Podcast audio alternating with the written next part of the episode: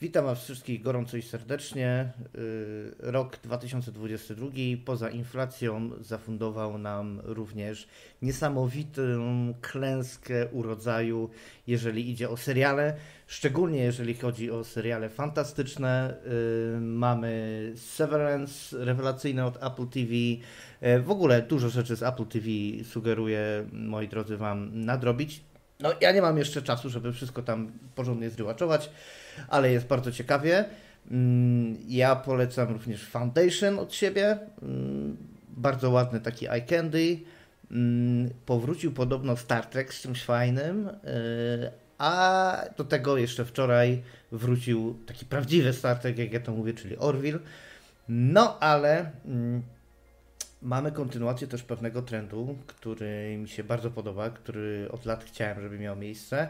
Mianowicie Gwiezdne Wojny mm, stały się de facto serialem. Mm, trend ten się no, rozpoczął dużo wcześniej, ale tak okrzepł niedawno dopiero przy okazji premiery serialu Mandalorianin. Mm, z racji tego, że wszystko toczy się gdzieś w okresie jakimś takim powiązanym właśnie z Mandalorianami, no to przypomniałem sobie o pewnym ekspercie, e, jeżeli chodzi o klony, e, czyli jak gdyby no, głównych żołnierzy tego uniwersum, przynajmniej tych pierwszych, e, pierwszych części, o Krystianie. Krystian jest dzisiaj z nami i opowie nam co nieco o tych serialach, które obecnie mamy dostępne na różnych platformach streamingowych, znaczy na różnych, no, na Disney Plus. I przybliży nam troszeczkę backstory. Cześć, cześć. Cześć, e, cześć Zenon, witam Cię, witam wszystkich słuchaczy. E, hej, hej. E, Krystian, no, znamy się z Reala, nie będę ukrywał. Mm, I tak jak wspominałem wcześniej, wiem, że jesteś niesamowitym, przynajmniej byłeś, niesamowitym fanem całej tej zajawki na Clone Trooperów. E, jak widzisz y, ten story arc w tych nowych, y, w nowych produkcjach filmowych, jeżeli chodzi o te klony? Jak myślisz, że to tam jeszcze się coś pojawi? Bo na razie mamy do czynienia tylko z takim jednym małym smaczkiem na dzień dobry. To tak tylko mi powiedz, bo mm, na rozchodniaczka.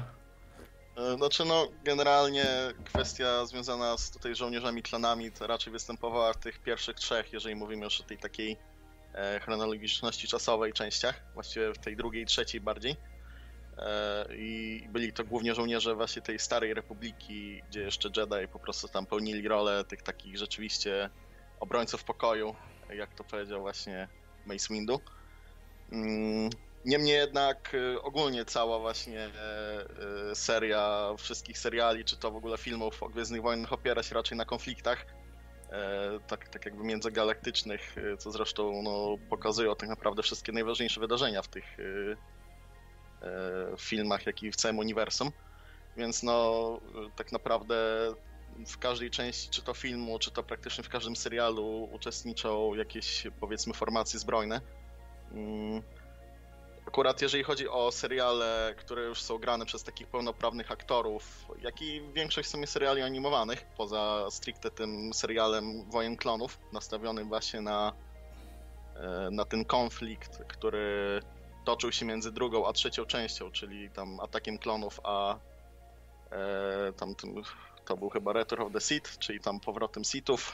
E, tak. E, więc e, tam w głównej mierze e, te klony walczyły.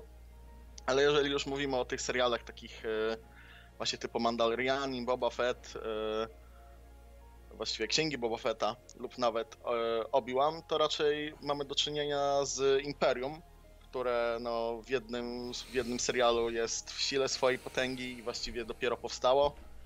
Mhm. E, może, nie, no, może nie dopiero, ale tam powiedzmy parę lat e, temu powstała, a na przykład w takim Mandalorianinie e, w księgach Boba Fetta mamy już to Imperium, które jest raczej na takim skraju upadku, w przeciwieństwie do mhm. właśnie fabuły Obi-Wana. No niemniej jednak gdzieś tam można zobaczyć smaczki tych starych żołnierzy klonów, tych wyjadaczy, którzy jeszcze, gdzieś tam jakimś cudem przeżyli, bo mhm. też warto wspomnieć, że te klony to były specjalnie genetycznie zmodyfikowane w taki sposób, aby dwa razy szybciej rosnąć i tam po prostu móc się rozwijać, więc też dwa razy szybciej e, się starzały. Mhm. Także no.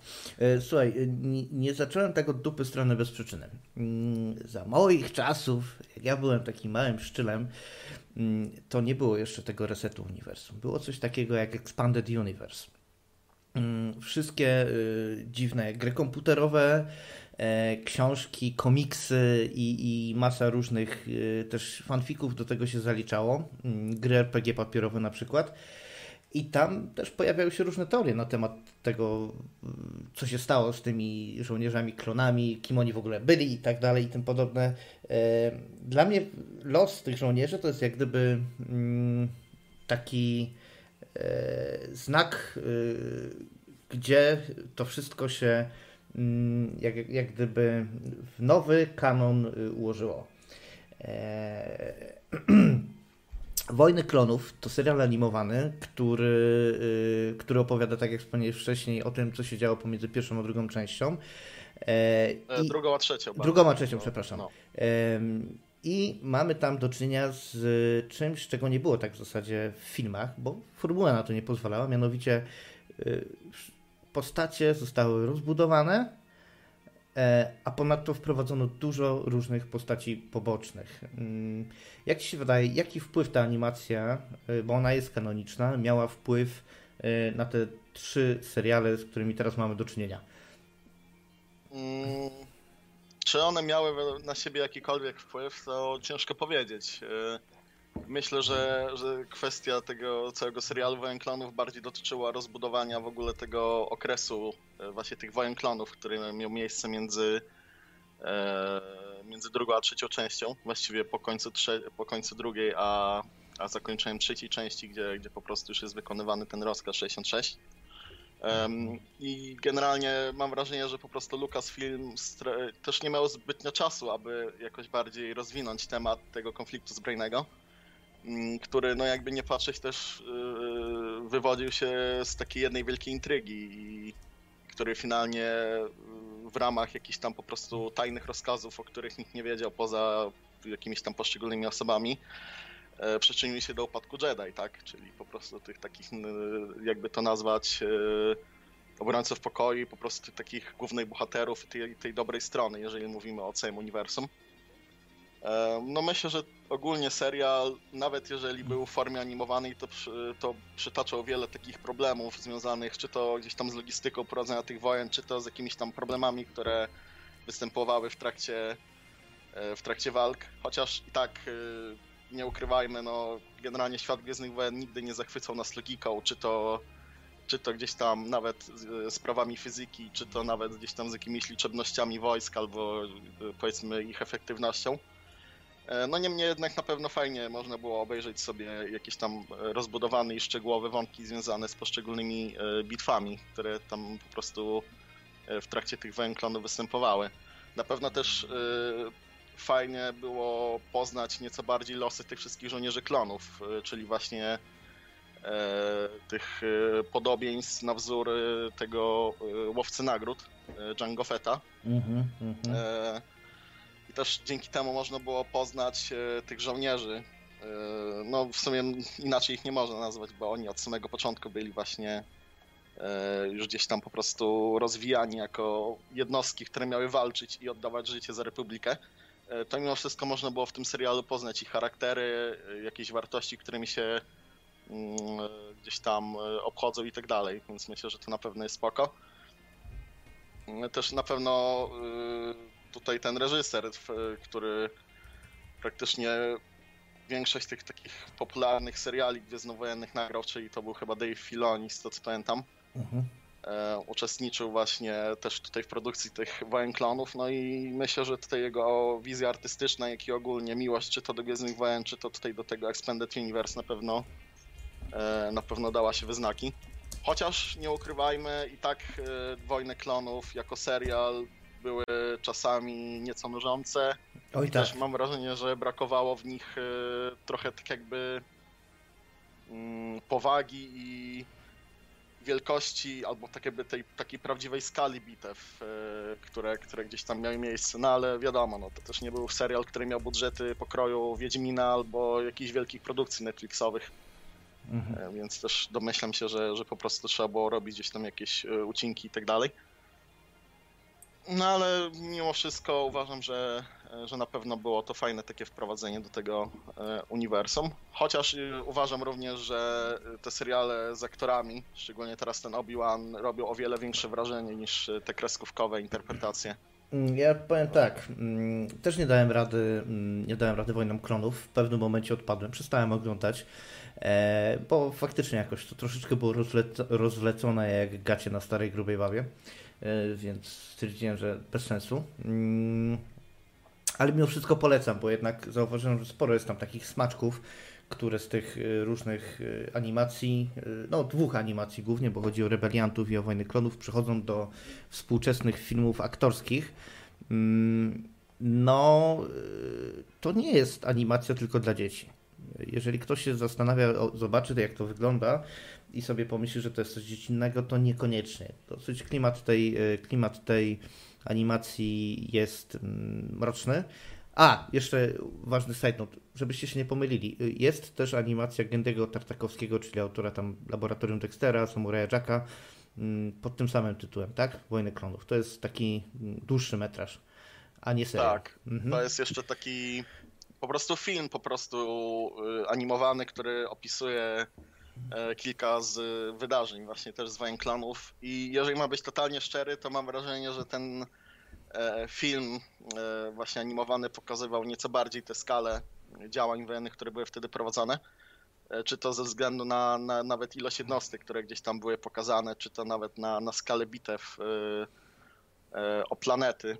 No bo jednak jeżeli gdzieś tam staramy się podbić planetę, to, to raczej bitwa nie toczy się w jednym miejscu, tylko to jest raczej bardzo kompleksowa operacja y, opiewająca na parę sektorów y, i na wiele różnych operacji, które trwają w jednym momencie, no ale to już nie, nie chcę się tutaj bardzo e, gdzieś tam zagłębiać w jakieś aspekty strategiczno y, strategiczno-dowodzeniowe, jeżeli chodzi o, o wojsko, no bo nie o tym też rozmawiamy. No może kiedyś porozmawiamy sobie o mm, grach gwiezdnowojennych, bo tutaj też jest spory temat do ogarnięcia, a szczególnie mody, bo myślę, że tutaj też y, jest spora, spora robota.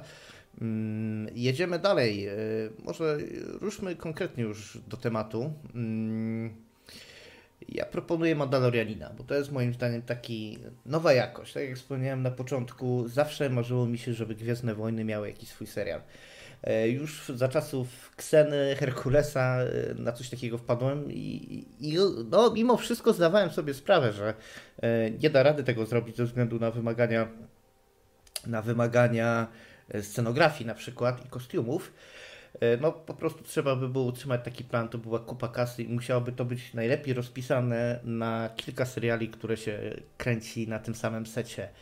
I może się mylę, ale po latach właśnie to się stało. Wydaje mi się, że Mandalorianin, y, Boba Fett i Obi-Wan Kenobi są kręceni na tym samym secie.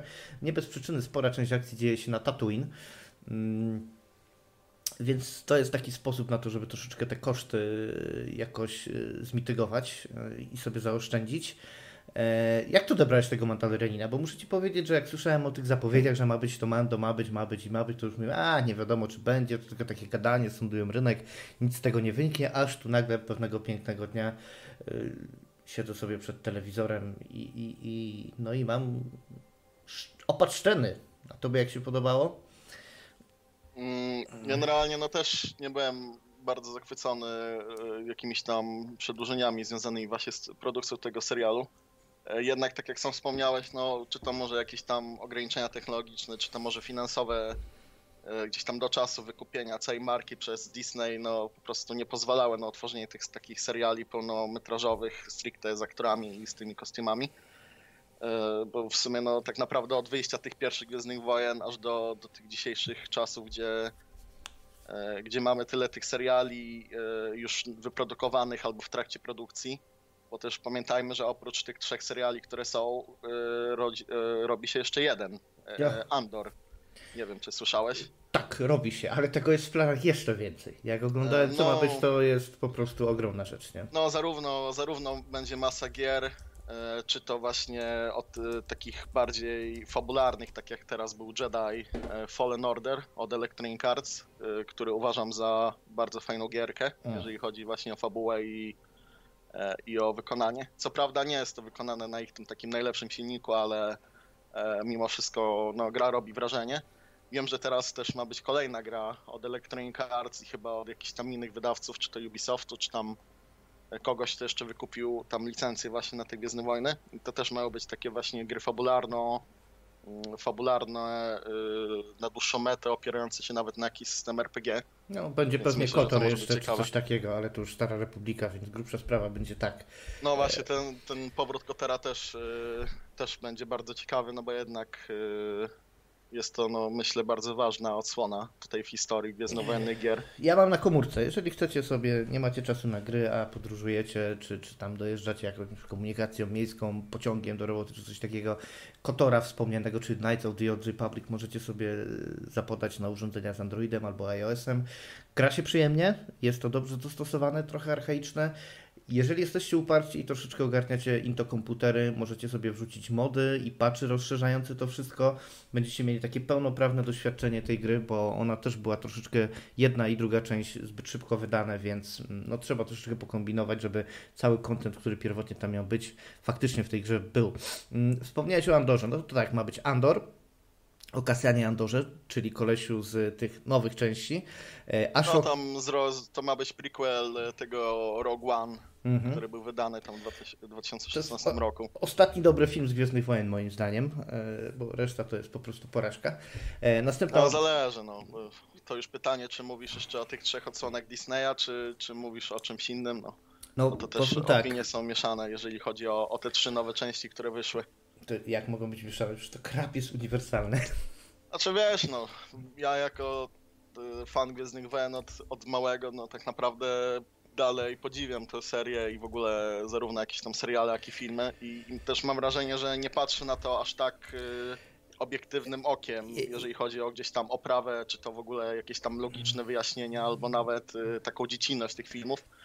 Y, jednak no, spotkałem się z wieloma osobami, czy to twórcami internetowymi, którzy po prostu podważają sens istnienia y, tych kolejnych trzech części i twierdzą, że to jest takie upupianie E, całe, całego w ogóle uniwersum i tworzenie z niego raczej takich właśnie disneyowskich e, baśni, niżeli takiej pełnoprawnej e, po prostu tematyki sci-fi, nie? No, dla mnie też to jest jakieś takie dziwne umarwelowienie tego wszystkiego, słabizna ogólna, jak mam być szczery, więc lipa, nie? Lipa. Też to podzielam, natomiast w pełni rozumiem co masz na myśli, yy, mówiąc o tych swoich uczuciach, że ci się to podoba, bo masz ten sentyment taki od, od, od dziecka. Ja też mam ten sentyment, też go mam od dziecka, natomiast nie aplikuje się do tych części, aplikuje się do tych seriali aktorskich, ze względu pewnie na to, że dzieją się w tych czasach, które są mi bliższe, jak byłem młody. E, I, i wiem, że są ludzie, nawet tutaj na naszej widowni, którym się nieszczególnie podobają te seriale y, aktorskie, a dla mnie, ja wiem, że tutaj nie gra to, nie gra to, nie gra tamto, ale dla mnie są świetne. Mimo wszystko y, uwielbiam sobie usiąść, odpalić to i, i, oglądać po prostu w 4K z rozdziawioną gębą. Nie? Także rozumiem w 100%. Natomiast mm, wracając do tych, ja zobaczyłem chyba pierwszą część, drugą i, i Rogue One Soilo już nie dałem rady obejrzeć i, mhm. i, i, następnej tej trzeciej, tej nowej, najnowszej trylogii już po prostu mnie to przerosło. E, jak niestety no, postać admirał Gender Studies e, nie zniszczyła. E, Mary Sue, Leia stara, to też było tak troszeczkę słabe. No nie bardzo. Wiem, że Caitlin Kennedy chcieli wręcz powiesić za, za, za, za, to, za to, co zrobiła z Gwiezdnymi Wojnami, ale po prostu takim ostatnim rzutem na taśmę zrehabilitowała się mm, tymi serialami. Ja myślę, że to nie jest przypadek, bo oni muszą różne demografie, y, czy tam grupy wiekowe zadowolić i, i, i dlatego w tej, a nie innej epoce stwierdzili, że ruszą tego Mandalorianina. No tak myślę, tak myślę, że z tymi filmami to będzie trochę jak teraz grami wideo od tych największych twórców, czyli po prostu no, zamiast zadowolić jakieś tam takie grono najwierniejszych odbiorców, to oni po prostu idą w taki mainstream i, i chcą dodać e, do jakiejś tam produkcji wszystkiego, co tylko się da, by zachęcić do, do swoich po prostu dzieł jak największą ilość osób z różnych grup społecznych, tak? Mm -hmm, Więc no, zaraz, zaraz będziemy widzieli w Gwiezdnych Wojnach jakieś yy, miecze świetne w kolorach tęczy, żeby zadowolić LGBT albo E, samych czarnych dowódców, żeby gdzieś tam no. PLM zadowolić. No do, do, to, dojdziemy do tego. Dojdziemy do tego na samym końcu. Weźmy sobie na warsztat to, tego Mando, wróćmy do, mhm, do, do, do, do, tego, do tej produkcji. Głównym bohaterem jest tytułowy Mandalorianin, który nie jest nim do końca, chociaż ja, ja nie wiem, kim są ci Mandalorianie. Czy to jest rasa jakaś konkretna, czy, czy raczej taka kultura, która gdzieś tam na tym księżycu e, pewnym się wytworzyła i jest po prostu jakaś upośledzona na punkcie wojny? Ogólnie Mandalorianinie to są mm, wojownicy, którzy wywodzą się po prostu e, z wielu ras które gdzieś tam przebywały właśnie między innymi na tej planecie Mandalor, mhm. która też między innymi występowała y, właśnie w Star Wars, y, The Clone Wars, czyli w tym serialu animowanym. Tak jest. Generalnie mógłbym ich porównać trochę do wojowników Sparty, ponieważ kierują się oni bardzo specyficznym kodeksem, jeżeli właśnie chodzi Belkenes. o 30 zł. prowadzenie swojego życia, czy to związanego z noszeniem tego, tego mundura, właściwie tej zbroi mandaloriańskiej. E, czy to nawet gdzieś tam e, walki, którą prowadzą e, związanej tam na przykład z tym umieraniem, z godnością i tak dalej. Bez niku. Jeżeli 10 zł. O tym bohaterze na R2D2. To tak, on był takim pełnoprawnym Mandalorianinem. Właściwie tam jednym z tych takich pozostałych, bo akurat już wtedy Mandalor, Mandalorianie byli praktycznie na wymarciu przez jakieś tam konflikty, z tego co pamiętam, zarówno u nich, jak i późniejsze z Imperium. E, więc też tak naprawdę oni byli na wymarciu równie, równie bardzo jak Jedi. E, no niemniej jednak, jak też widzieliśmy w serialu, występują jeszcze tam poszczególni e, wyznawcy tego, tego kultu i tej filozofii i po prostu się ukrywają no bo tak naprawdę co im pozostało, jeżeli nie mają jakiejś takiej potęgi, jak już mieli wcześniej. No, one są podzielone wewnętrznie, ten, ten, tak, ta kultura. Tam, Mamy też tak. kulturę, e, jakiś, jakąś sektę wewnątrz Mandarium, która teraz wjeżdża na ekran. E, na ekranie Katie Sakow, która gra postać znaną też z Wojen Klonów. No muszę powiedzieć, że pani Sakow y, tutaj się nie popisała aktorsko, zresztą ona jakoś chyba wybitnie zdolną aktorką nie jest, y, albo w ogóle jest jakiś taki trend, żeby postacie kobiece miały wiecznie skwaszoną gębę. No tutaj się udało, jeżeli to tak ma wyglądać, to się udało. Mm, I w sumie widzimy ile? Szóstkę Mandalorian y, na tym? Szóstkę? Coś takiego. Hmm, Chyba w tym serialu. To też zależy. Możliwe, że szóstkę albo piątkę, bo tam też pamiętam, że na przykład był ten szeryf na Tatooine, który nosił zbroję Mandalorianina, ale nim nie był, na przykład, więc tak, tak, tak, tak ale mamy, z, mamy, zwrócić uwagę. Mamy pana Coxa Mandalorianina, mamy, mamy Dina Jarina, czyli głównego bohatera, granego tak przez. Pedro Pascala.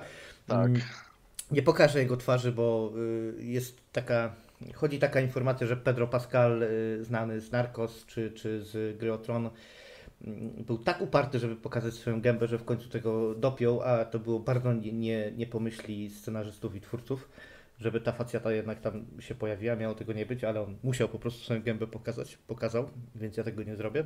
Mm, jemu na złość. No i co? Mamy to, to, mamy panią y, Kowal Mandalorzycę, no i trójkę tych, y, tych Mandalorian z tej sekty, więc chyba, chyba szóstka jednak, nie piątka. No ale to jak gdyby mhm. nie, nie szczególnie istotne. Był też, y, był też szeryf, jasne. Okej, okay. gdzie my mamy szeryfa Haltenzi? No popatrz, jestem taki mądry, że sobie tutaj szeryfa, a jest, proszę bardzo. E, to jest Timothy Olyphant, jeśli mnie oko i pamięć nie myli. Timothy Olyphant e, grał główną postać w serialu Deadwood. Grał kowboja. Mm, Deadwood to taka dosyć istotna miejscowość, jeżeli chodzi o kulturę kowbojską.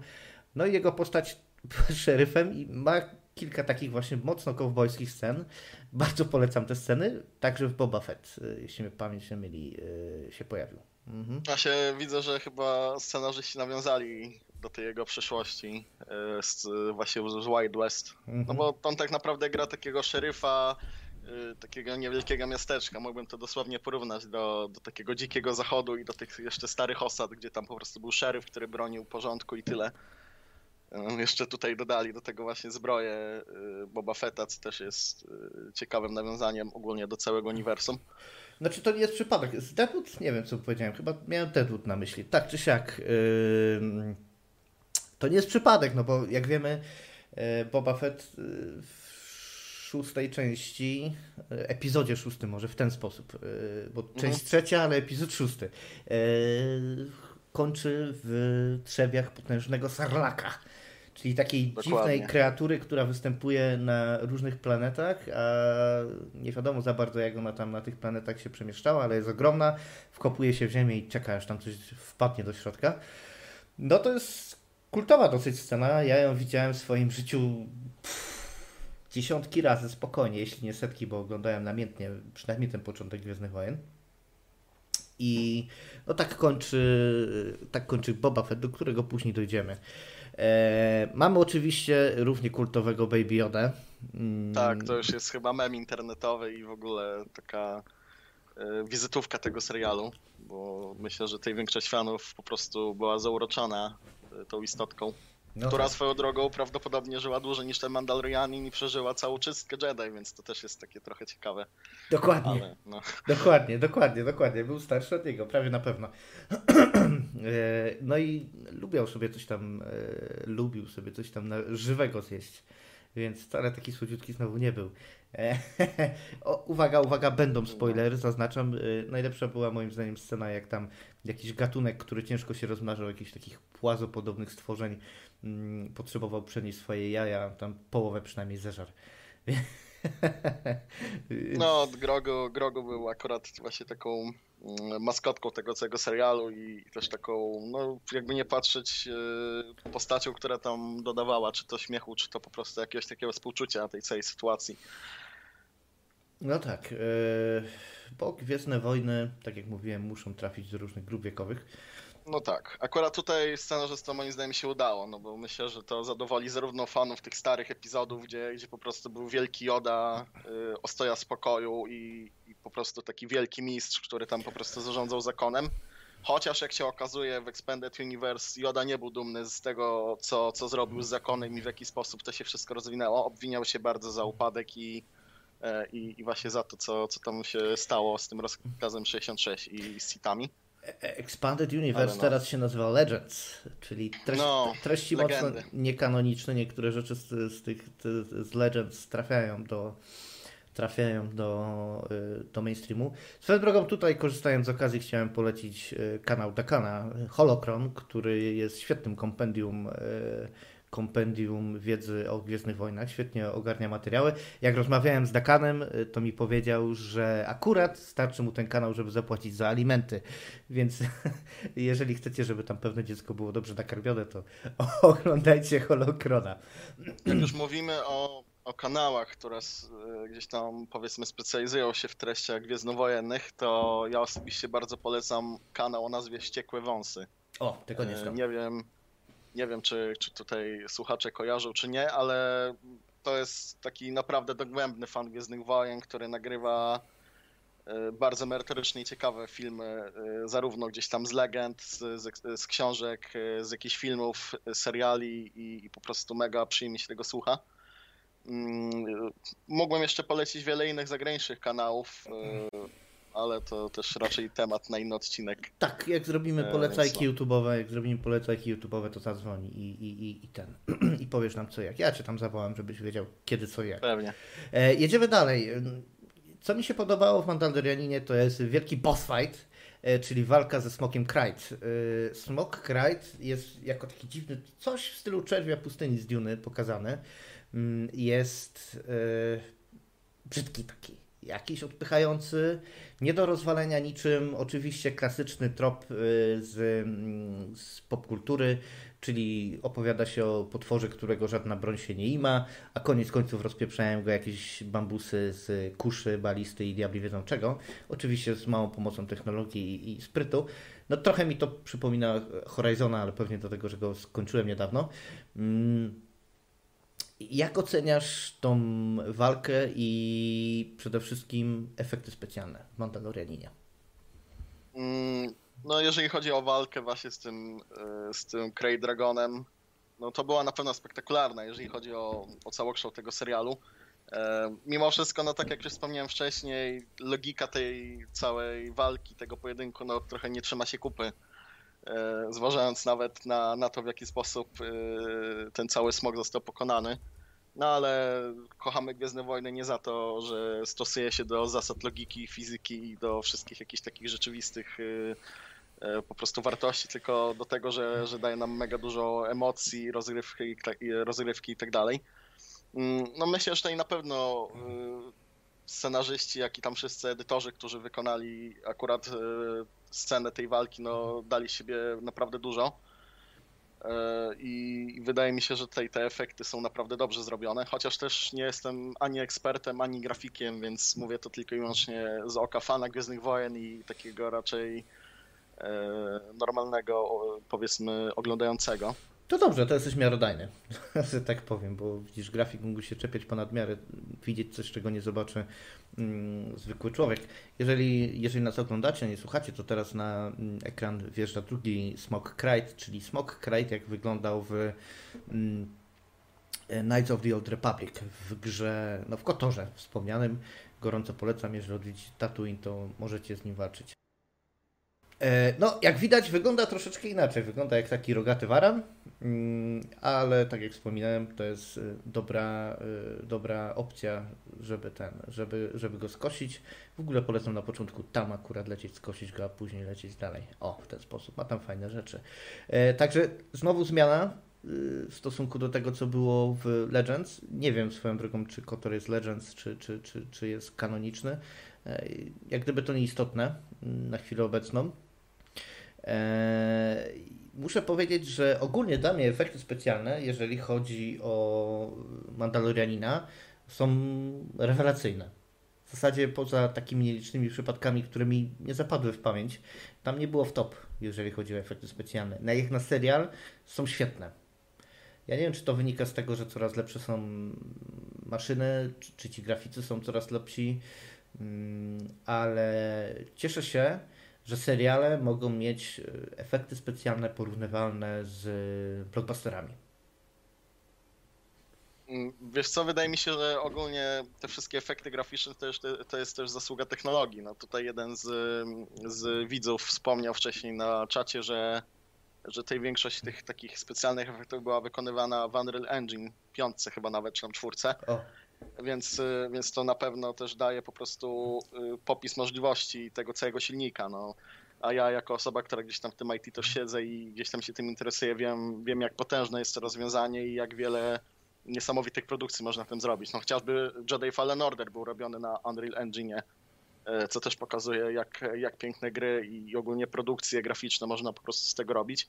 Mm, tam jeszcze wspominałeś o tym Knights of the Republic. Mm-hmm. Ogólnie to jest chyba ostatni, ostatni dział kultury, które zostało tak jakby przypisane do legend. To nie jest niestety w tym takim kanonie pełnoprawnym, ale e, ale no. No, ale słuchaj, to nie znaczy się, że zaszczytne miejsce. Nie znaczy się, że coś z tego będzie nie będzie wykorzystane, bo rzeczy z legend siłą rzeczy y, też niektóre trafiają do, do kanonu, jeśli mnie pamięć nie myli. Nie całe w sensie, ale jakieś tam urywki. Nie no, myślę, że legendy, legendy i to całe Expanded Universe tak naprawdę napędza teraz yy, całe uniwersum Gwiezdnych Wojen i w ogóle to całą, całą zajowkę na, na, na te Star Warsy. Można to trochę porównać do jakiejś starej gry, która jest rozwijana przez bardzo dobre modyfikacje. Mhm. Yy, no to, która, to, to ma miejsce. Która ma taką bardzo zżytą społeczność. To ma miejsce w grach z Gwiezdnych Wojen, tak? No, między innymi w tej strategicznej Empire at War. No. Tam społeczność moderska jest tak potężna, że oni tak naprawdę potrafili w ciągu tam 3-4 lat zrobić e, grę strategiczną, która e, wygląda bardzo dobrze. Do tego ma całkowicie nową logikę i wydajność optymalizacji, a do tego jest po prostu za darmo, tak? Znaczy, gra wiadomo, jest płatna, ale modyfikacje, które dają ci 10 razy tyle kontentu są za darmo. Wystarczy, że masz e, po prostu legalną wersję gry. A co najlepsze, chyba rok temu twórcy tej gry dodali aktualizację, która poprawiała wydajność i optymalizację modów, z tego co pamiętam. E, no. Więc to też jest w ogóle śmieszna sprawa, że gra, która ma e, tyle lat, po prostu dalej dostała jakieś tam update'y. Chociaż wiadomo, nie, nie jest to też gra pokroju No Man's Sky, która gdzieś tam co miesiąc albo co dwa dostaje update'y po takim długim czasie, ale no, jednak fajnie widzieć to zaangażowanie. Ja jestem wielkim fanem modów. Kiedyś na ten temat y, machnę audycję. Świetna sprawa. Wielka przewaga komputerów osobistych nad konsolami. No ale na konsoli to sobie pykam w No Man's Sky i czekam aż wyjdzie najnowszy dodatek Leviathans i ten i, i wtedy sobie pyknę e, z powrotem na playaku. Jasne. Zobaczymy jak to będzie wyglądało. Ale jest fajne, robi, robi dobre wrażenie. Myślę, że będzie świetny na PSVR 2.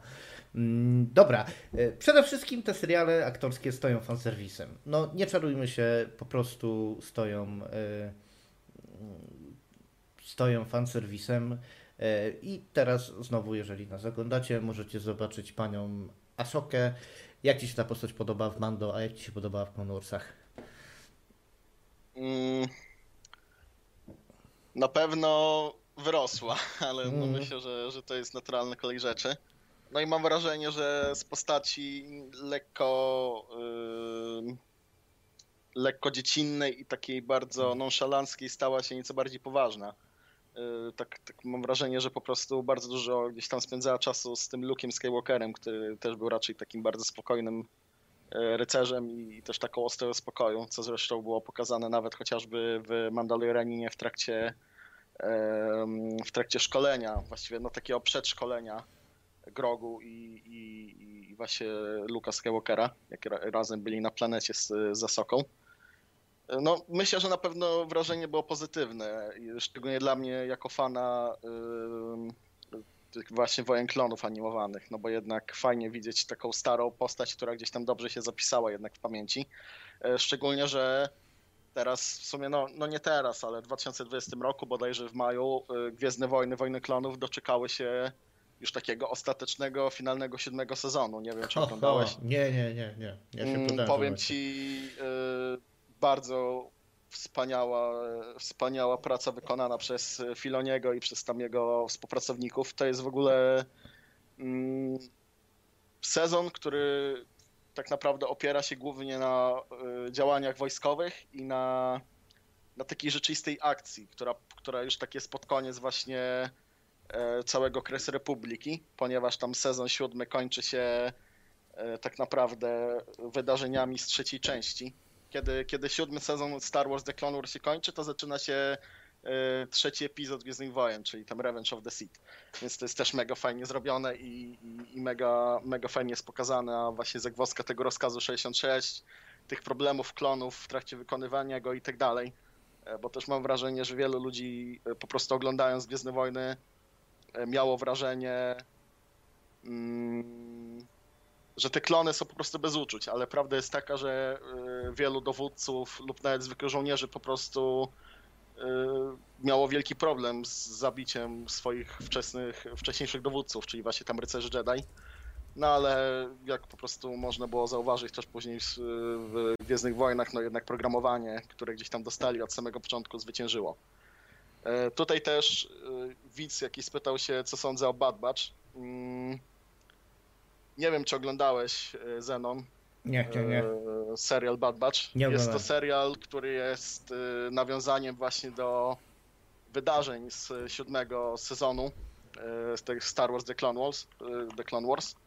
I on opowiada o mm, takim specjalnym oddziale klonów. To był chyba Task Force 99, czy tam Clone, Clone Force 99. To, to są takie zgenerowane, zmodyfikowane genetycznie klony które po prostu poza jakimiś tam umiejętnościami komandosów lub tych ARC Trooperów, czyli takich bardzo dobrze wyszkolonych przez samych Mandalorian żołnierzy, e, mieli po prostu genetycznie zmodyfikowane jakieś tam aspekty, e, czy to fizyczne, czy to gdzieś tam umysłowe, czy to percepcji i tak dalej. I, I, właśnie ten serial Bad Batch opisuje e, ich losy już po właśnie wykonaniu rozkazu 66 i, i po tym, jak e, Republika przemienia się w Imperium Galaktyczne. Więc na pewno jest to ciekawe. Szczególnie, że oni tam też wykonują różne zadania właśnie dla łowców głów i raczej tam po prostu idą bardziej w ten taki półświatek przestępczy, jako żołnierze o dziwo, no, no ale to, też wiadomo. Jak, jak to żołnierze? Wcale się nie dziwię. To muszę zobaczyć, kurczę, nawet, nawet nie wiedziałem o, o takim czymś, gdzieś mi to jakoś umknęło. Nie no, ogólnie I... bardzo, bardzo fajnie. Ja tutaj o Ashoce powiem tylko tyle, że jak dla mnie to słabo, bo znowu tu mamy taką skwaszoną kobietę. Yy, hmm. Podobało mi się, że, że, że ta Ashoka była oryginalnie taka no troszkę bardziej wesoła i, i taka mm, dojęta, docięta, taka wiesz, no z, z jajem. A tutaj jest no, taka... Mm, większość tych postaci tam. A teraz, no tak, a teraz troszeczkę lipa. No i jeszcze kończąc troszeczkę temat CGI, oczywiście coś, co było słabe stosunkowo, bo później przez fanów zostało poprawione, to jest oczywiście e, look na samym e, końcu pierwszego sezonu mm, Mandalorianina. No muszę powiedzieć, że nie popisali się, jeżeli chodzi o jakość mm, tego tutaj deepfake'a. Ale dobra, y, Mandalorianin, jeśli się nie mylę, jeszcze jest dalej kontynuowany. To nie jest historia zamknięta, więc jak najbardziej w porządku. Jeszcze kiedyś do niego wrócimy. Idziemy do Boba Fetta. Tak, jeszcze będzie, będzie kolejny sezon. Idziemy do Boba Fetta. Myślę, że jeszcze będziemy długo mogli tam to oglądać. No, Boba Fett y, właściwie księgi Boba Fetta, y, mam wrażenie, są bardzo podobne, jeżeli chodzi o taki zamysł postaci, ponieważ obie, y, obaj główni bohaterowie, czy to właśnie Boba Fett, czyli syn Jango Fetta, czy to ten Mandalorianin, byli z początku lub gdzieś tam bardziej znani jako po prostu łowcy głów i raczej takie osoby, które gdzieś tam wykonywały zlecenia, za którymi płacono i potem po prostu z każdym odcinkiem, z każdą minutą serialu poznawaliśmy ich takie bardziej ludzkie oblicze. Bo jednak ja, jako na przykład taki fan Gwiezdnych Wojen, słysząc o łowcach głów, raczej mam w głowie takiego chociażby Kada czyli po prostu bezlitosnego zabójcę, który, żeby otrzymać jakąś tam wypłatę, zrobi wszystko, co konieczne, czyli zamorduje nawet dziecko, tak? Więc na pewno, na pewno ciekawe jest to, jak, jak starał się um, poprawić wizerunek e, tych postaci po tym, co one robiły. I tak jakby starają się e, pokazać ich jakieś takie prawdziwe emocje, czy to właśnie w sytuacji, kiedy Mandalorianin musiał chronić Grogu, e, czy to chociażby Boba Fetta już jako przywódcy Mos Espy, który stara się o to, aby zapewnić swoim poddanym dobro, tak? To, to też jest bardzo ważne moim zdaniem, jeżeli chodzi o taki moralny punkt widzenia. Jest ciekawe, że mm, a to może po kolei. E, to, albo tak, oni niekoniecznie chcą mieć to dobro zapewnione, jak tak zauważyłem, jeżeli chodzi o tych mieszkańców tej MOS SP, to jest pierwsza sprawa. E, Cat Bane e, dużo tam nie podziałał w tym w, w Bobie Fecie, natomiast no, podoba mi się scena cała ta, w której był, bo właśnie tak jak wspomniałem wcześniej, jest e, wybitnie wręcz westernowa właśnie z Timothy Olifantem. Gorąco, gorąco polecam e, tąże scenę. Mm, ale na początku na, na obraz nam wjechał Big Fortuna, spasiony majordomus Jabby. E, chyba pierwsza jakaś żywa postać, którą w ogóle, którą w ogóle widziałem w Gwiezdnych Wojnach, no bo w ogóle najpierwsze to były e, to był R2D2 i, i C-3PO. E, I no, pierwszy jest tam w, szóstej, w szóstym epizodzie Big Fortuna, chudy, który coś tam gada swoje bzdety w tym swoim dziwnym języku, doprowadza te droidy do mm, do, y, do Jabby, no i dzieje się ta super, super akcja, która jest na początku. Y, w Bobie Fecie y, Bib Fortuna po śmierci Jabby jest spasionym wieprzkiem, przepraszam, jest ciało pozytywne i to jest chyba jego zguba, bo nie jest w stanie uciec, gdy przybywa Boba Fett i ze swoją koleżanką Fenek sprzątają delikwenta, zajmują jego miejsce bez żadnych wielkich po prostu ceregieli. To nie jest jakaś wielka sytuacja fabularna. Najzwyczajniej w świecie dziada kasują, zajmują jego miejsce i tak jak mówisz, zaczynają e, swoje rządy w Mos Espa. E, a teraz pytanie, ile lat ma ta pani e, na obrazku? Ile lat ma Fenek Shant? No i tego to nawet nie wiem. Możliwe, że gdzieś tam w serialu to było przedstawione, ale chyba nie, nie sięgam pamięcią do tego momentu. Nie, mi chodzi o aktorkę. Mm, wydaje się, nie wiem, na jakieś 30 lat. tak? Dobra, no a, a, co, a, a co na to czat powiem? 21, 67. E, no, e, pa, pani, pani Fenek e, ma 58 lat. Mm, nie powiedziałbym. I w ogóle muszę powiedzieć, że chyba osoby odpowiedzialne za casting przy Bobie Fecie i później jeszcze przy Obiłanie to chyba mają jakąś słabość do takich dobrze zachowanych pań koło 60, e, bo jest więcej takich przypadków. Mm, ta pani jest postacią, no w zasadzie cyborgiem na dobrą sprawę. Wygląda normalnie, ale wszystkie flaki ma powymieniane z góry do dołu. Możemy ją już w Mandalorianinie zobaczyć, a tutaj gra taką dosyć istotną rolę. Jest e, głównym sidekickiem naszego troskliwego misia, Boba Fetta i to jest mój główny zarzut, jeżeli chodzi o Boba Fetta. E, zbytnim miękkiszonem jest e, pan Boba Fett. Po prostu. No, mam wrażenie, że już na starość po prostu chociaż o ile to może nazwać starością. Nie, nie, wiemy tak naprawdę, ile on ma dokładnie wtedy lat, no ale jednak widać, że, że się postarzał w porównaniu do drugiej części lub nawet e, e, gdzieś tam po prostu momentów, gdzie jeszcze walczył w, e, w tych nowych nadziejach i, tak no, dalej. No niekoniecznie się postarzał, musisz wziąć pod uwagę, że może po prostu te, te wszystkie soki trawienne Sarlaka go tak paskudnie potraktowały. To też zależy, bo pamiętajmy, że on był wtedy w zbroi i ta zbroja też go na pewno trochę uratowała, mhm. ponieważ ta zbroja była wykonana y, z praktycznie niezniszczalnego materiału. Y, zbroja Mandalorian. No tam chyba to było. No to, to, to jest wiesz, poziom Mandalorianina, nie? Y, nie, no. nie, nie, nie Jak to się nazywa? Bo ten tak chodzi za tym, jak, jak pomylony. Mm. No widzisz. Ten materiał. Beskar. Beskar. Beskar, tak. To jest właśnie z Beskaru i i ten Beskar tak naprawdę też trochę przecząc chyba jakimkolwiek prawem jest totalnie niezniszczalny i ani blastery, ani jakoś pociski, ani wybuchy nie są w stanie go zniszczyć. E, więc e, no. No, no, no, no, no. A jakoś się kosiło blasterami w kotorze tych wszystkich Mandalorian i nie było tak. problemu. No. Tutaj jeszcze jeden słuchacz wspomniał właśnie, że tak nawiązując jeszcze do tych łowców głów, tam, że Cad porywał właśnie dzieci wrażliwe na moc. E, tak, właśnie bardziej mi chodziło o to, że był w stanie nawet porwać dzieci, niżeli gdzieś tam mordować. Chociaż no, z tym mordowaniem też tak naprawdę nie miał skrupułów, y, co też pokazywało tak jakby jakieś nasze takie pierwsze obiekcje na temat y, tych głównych bohaterów, czy to z Mandalorianina, czy to właśnie z Księg Boba Fetta. Y, więc no. A jeszcze nawiązując do tej jego starości, no to myślę, że na pewno się trochę zestarzał, no bo też pamiętajmy, że sporo czasu minęło od drugiej części Gwiezdnych Wojen aż do momentu, w którym on się znajduje. E, też w sumie między innymi przez to, że mm, że już w drugiej części był jako syn właśnie Django Fetta, jako właściwie jego klon, który on mhm. sobie zażyczył, no to jednak e, myślę, że, że to gdzieś tam postarzenie go jest jak najbardziej słuszne. No i też na pewno, no wiesz, tam życie, życie nie było dla niego łatwe we wszystkich momentach, także... No tak, trochę czasu jeszcze e... później spędził wśród, wśród e, Tuskenów. Dla mnie no też.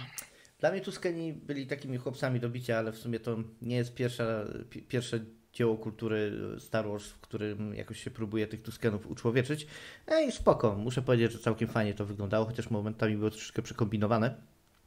Teraz na no, się. co, mhm. ja jestem właśnie po obejrzeniu drugiej części czyli Ataku Klonów, drugiego epizodu. Wczoraj oglądałem i, i no mam takie mieszane uczucia co do tych Toskenów, szczerze powiedziawszy.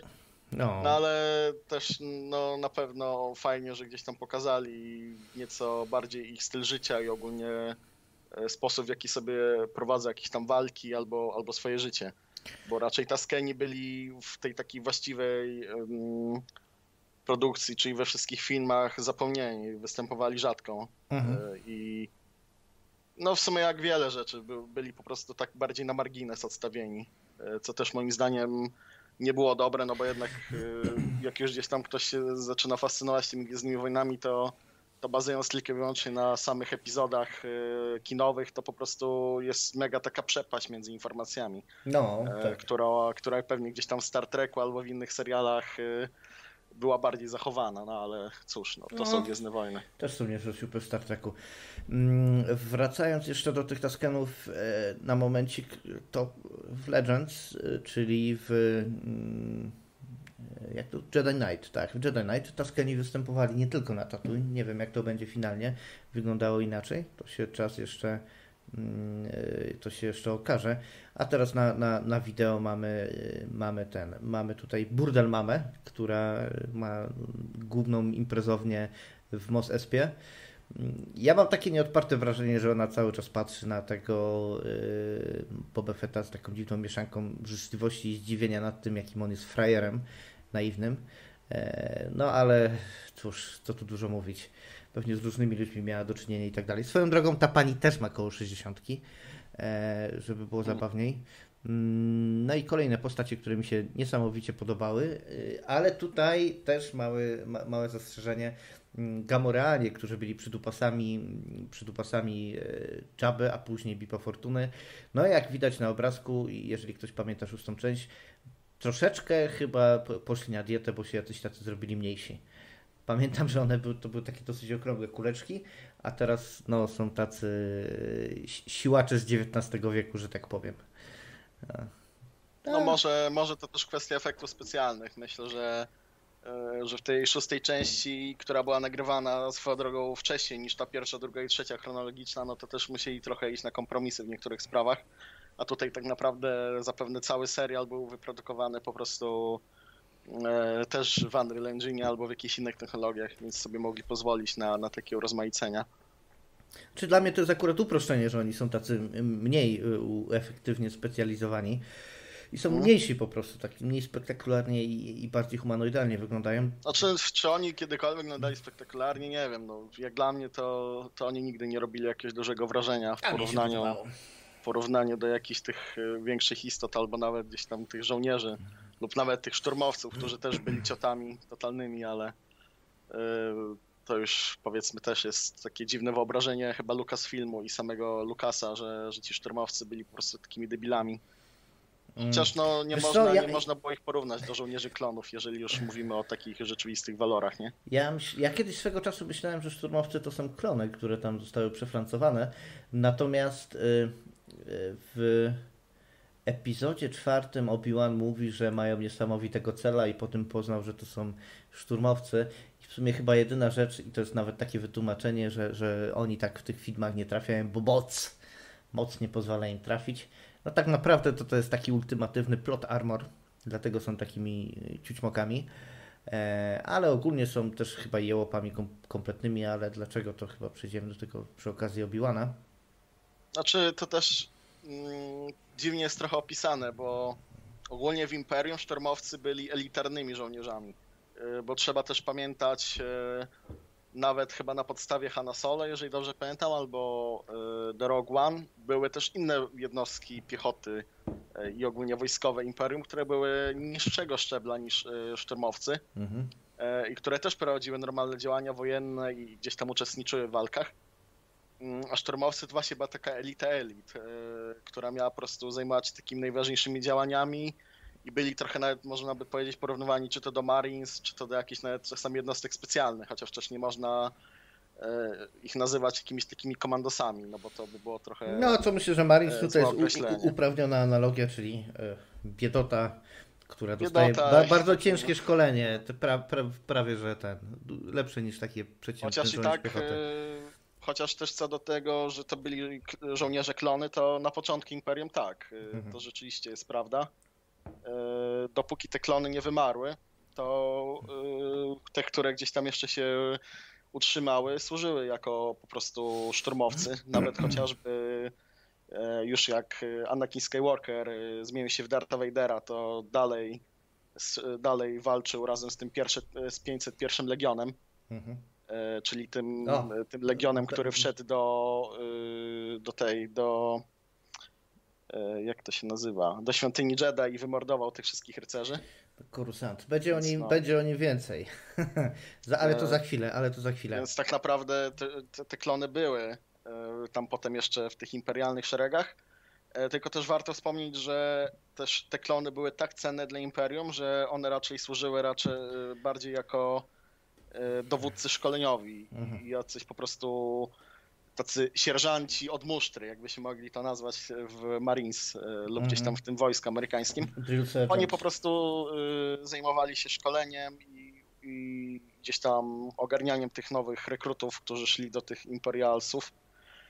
Tutaj właśnie jeden ze słuchaczy wspomniał o, o tym komanderze Kodim, który szkolił szturmowców. Tak, w legendach, z tego co pamiętam, właśnie wielu tych komanderów i jakichś tam dowódców prostoklonów zajmowało się tego typu rzeczami. No ale finalnie tak większość pewnie po prostu wymierała prędzej czy później, no bo po prostu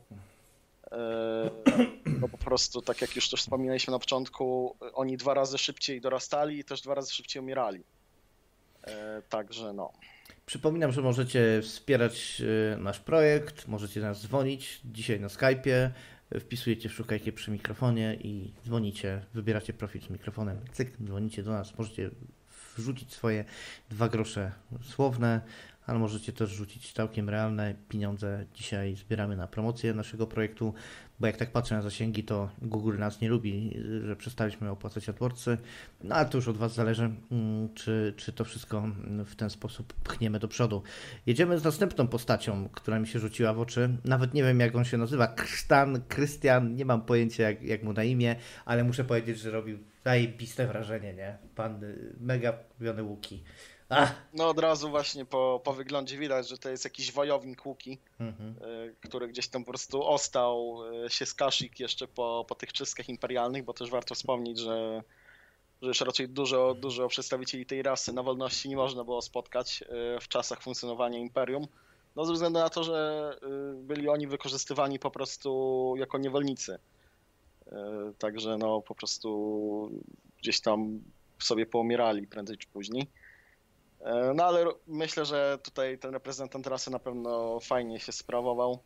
W przeciwieństwie do, do tej grupki tych dzieciaków e, technologicznych, co dla mnie było trochę śmiesznie. No, do nich wrócimy jeszcze. Do nich jeszcze wrócimy. Do trochę, jeszcze wrócimy. trochę takie chyba nawiązanie do jakichś wiesz, Powoli, wrócimy do nich. Społeczności. Ale... Wrócimy do nich, wrócimy do nich. Spokojnie. Mam do nich specjalne miejsce w piekle. e, więc y, no, to ta postać, muszę powiedzieć, była świetna. Nie udało mu się Boba Fetta załatwić ale mm, z racji tego, że był potrzebny muscle, y, no tego przyjęli i wiernie mu służy, przynajmniej póki co. E, wygląda kozacko, kojarzy mi się właśnie z Kotorem i byłby świetną postacią do jakiejś gry. Mm, najlepiej takiej właśnie RPGowej, byłby zajebisty. E, tak, jako jakiś tam bohater. Myślę, że wielu ludzi by się skusiło. No. No i mamy Twinsów jeszcze. Z tego co ja pamiętam, to Hatowie są e, jak ślimaki obojnakami więc tutaj nie ma za bardzo sensu deliberować, kto tu jest kobietą, a kto chłopem. Mm, świetny sposób na zapromowanie nieheteronormatywności, czyli osoby nieheteronormatywne, trans e, w świecie Gwiezdnych Wojen są kryminalistami. E, no, jak dla mnie e, świetnie to jest zrealizowane, jeżeli chodzi o efekty specjalne. Fenomen. Jest kilka takich jakichś zabawnych sytuacji z nimi. Oni się tam chyba nawet jakimś takim zwierzątkiem typu świnka morska z potu obcierają i tak dalej. E, I wiedzą, mm, wiedzą jedną podstawową rzecz, której nie chce do siebie dopuścić Boba Fett. Mianowicie robią projekcje siły i przychodzą właśnie, tak jak widzicie, targani przez e, grupę niewolników. Boba Fett tego nie robi i wydaje mi się, że przez to E, nie ma jakiegoś szacunku, szacunku ludzi ulicy, co się na nim mści w dosyć perfidny sposób. A to też wiesz, no, zależy jak na to spojrzysz. No, na przykład z mojego punktu widzenia zachowanie chatów e, jest bardzo przeciętne, ale to też może przez to, że gdzieś tam mi się w życiu stworzyły nieco inne wartości, jeżeli chodzi o gdzieś tam traktowanie ludzi albo No, ale to ja o tym mówię. Rzeczy. O tym mówię, że wiesz, to, to nie jest. Espa to nie jest miejsce, gdzie mieszkają Krystiany, gdzie mieszkają no, ludzie z pełnymi wiem, brzuchami zadowoleni taka tego. północ w Warszawie bardziej no, niż, niż, niż, jakieś, wiesz, takie śródmieście albo Żoliborz. E, mimo wszystko, no na pewno ta słabość y, Boby Feta na starość lub tam ze względu na te obrażenia, no E, nie daje mu tutaj jakiejś przewagi ze względu na to, że no po prostu to trochę działa chyba jak w totalitaryzmie na tej planecie. No, jeżeli ludzie się ciebie nie boją, jeżeli wiesz, że e, jeżeli wiedzą, że e, rząd albo tam władca im nic nie zrobi za jakieś tam ich durne przewinienia, no to po prostu będą sobie pozwalać na coraz więcej i więcej, tak. No w tym wypadku już nawet jakieś tam grożenie chatów i to w tak spektakularny sposób myślę, że na pewno gdzieś tam sprawiło, że coraz więcej ludzi się odwróciło E, od Boby Fetta, chociaż no finalnie e, jak to, jak to w serialach bywa, zawsze ci główni bohaterowie jakoś wychodzą z opałów. E, I jakoś każdy nagle zapomina o, tych ich, o tej ich ciotowatości i, e, i o braku jakichś tam sensowniejszych działań, no ale Inaczej tak naprawdę ta fabuła by się skończyła na tym, że Boba Fett by już leżał martwy razem z tą swoją koleżanką. Dlatego Tyle. nie krzyczę spoiler, spoiler, spoiler, no bo niestety ze względu na te różne produkcje wiadomo kto przeżyje, jak to nie. Eee, I to będzie no szczególnie ewidentne, jeżeli chodzi o Obi-Wana, ale do tego zaraz wrócimy. Eee, wspomniałeś o naszych cudownych e, technodzieciakach, ich nazwałeś. E, moim tak, zdaniem to jest niesamowite, jak bardzo oni nie pasują do tego świata. Oni są naprawdę. Oni są ekwiwalentem fabularnym, scenariuszowym wklejenia czegoś w dziadowski domowy green screen. To po prostu widać, że to nie pasuje. Widać. Oczywiście liderka, tak jak widać na załączonym obrazku, to jest kolejna wiecznie skwaszona dziewczyna. Ja nie wiem, z czego to wynika. Czy to jest jakiś komuś w głowie sobie się uwaliło, że silna, niezależna kobieta to musi wiecznie mieć e, po prostu minę, jakby zmagała się z zatwardzeniem przewlekłym. Nie mam pojęcia. Mm, postać antypatyczna, na szczęście nie mówi, tylko źle wygląda. E, I nie mam pojęcia, czemu ma służyć. Jest tak zrobiona na siłę, że nie da się opisać. Jeżdżą na czymś, y, co przypomina wespy nazywają się moc. To jest już taki brak kreatywności, że nie da się tego opisać. E, ano, dlaczego? Bo moc to była subkultura, która była gdzieś na przełomie lat 50., 60. w Wielkiej Brytanii, która jeździła na wespach. Wyobraźcie sobie. Mm, i były to takie prekursory punków i różnych, różnej maści bad boyów, tych subkultur, które znamy dzisiaj. Mm, e, nie tylko ona, cała ekipa, tutaj pisze Ola. Tak, cała ekipa jest po prostu onkła, jak to się u nas mówi. Poracha kompletna, nie pasują, niby są jakimiś cyborgami, te ich cyborgizacje też do niczego nie pasują.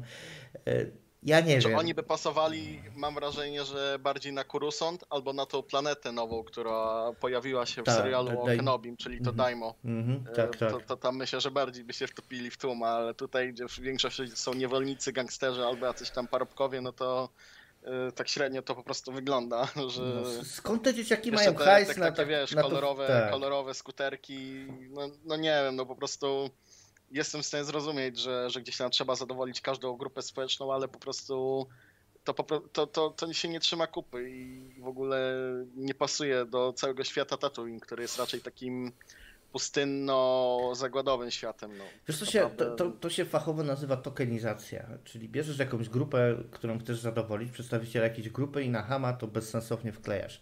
Najczęściej to się tyczyło no tak, osób no czarnoskórych. Tak, tak samo jakbym dodał nie wiem, kolorowe zbroje tym wszystkim szturmowcom albo klonom, żeby zadowolić, wiesz, jakieś tam warstwy społeczne, no ale... No, i tutaj masz typową tokenizację, bo masz ładną panią, e, w cudzysłowie zaznaczam, e, i tego... Dla kogo i... ładna, dlatego ładna.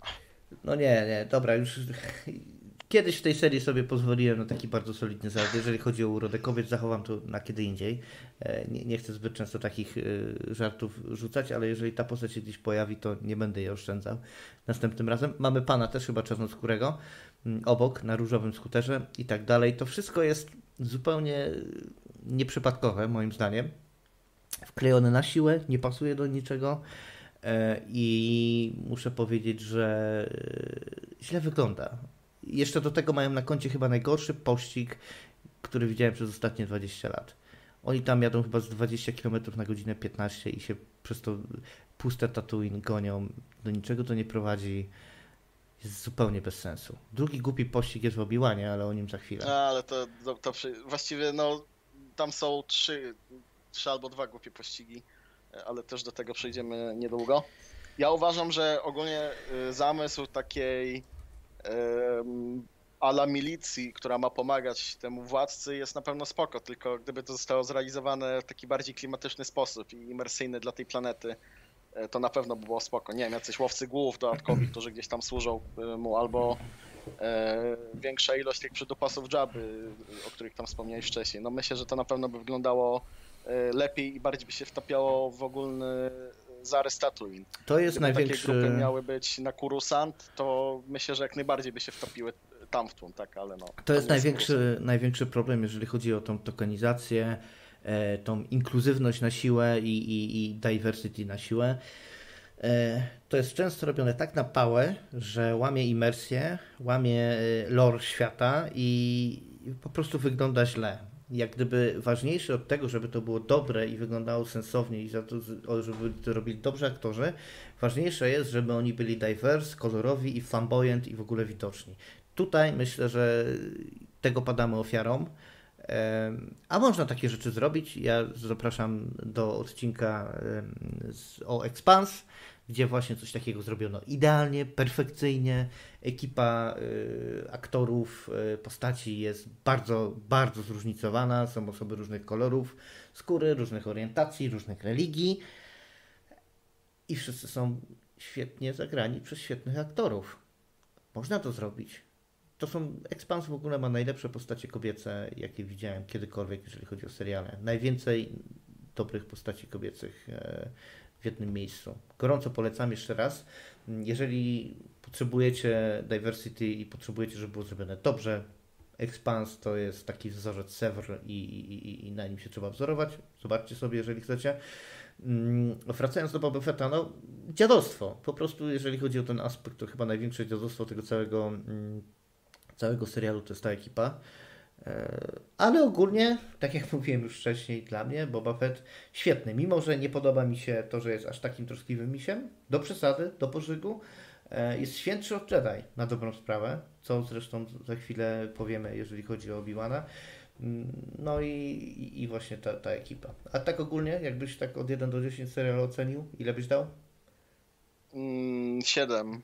Mm, 7,5, coś takiego. No ja też tak. Mhm. Myślę, że bardziej mi się podoba jednak Mandalorianin, jeżeli chodzi o seriale, ale to też pewnie przez to, że Mandalor Mandalorianin miał nieco więcej odcinków i, i bardziej e, ma już ogarniętą fabułę, jakiś tam dalszy rozwój. I też, no, nie ukrywajmy, no, mam wrażenie, że jednak ten Baby Yoda i te wszystkie tam losy mm, e, właśnie jego i tam tych rycerzy Jedi, którzy byli wplątani lub tego Mandal Mandalorianina są nieco bardziej interesujący niż takie ciatowate podejście do bronienia, wiesz, obywateli na planecie z samymi przestępcami i gangsterami. Mhm.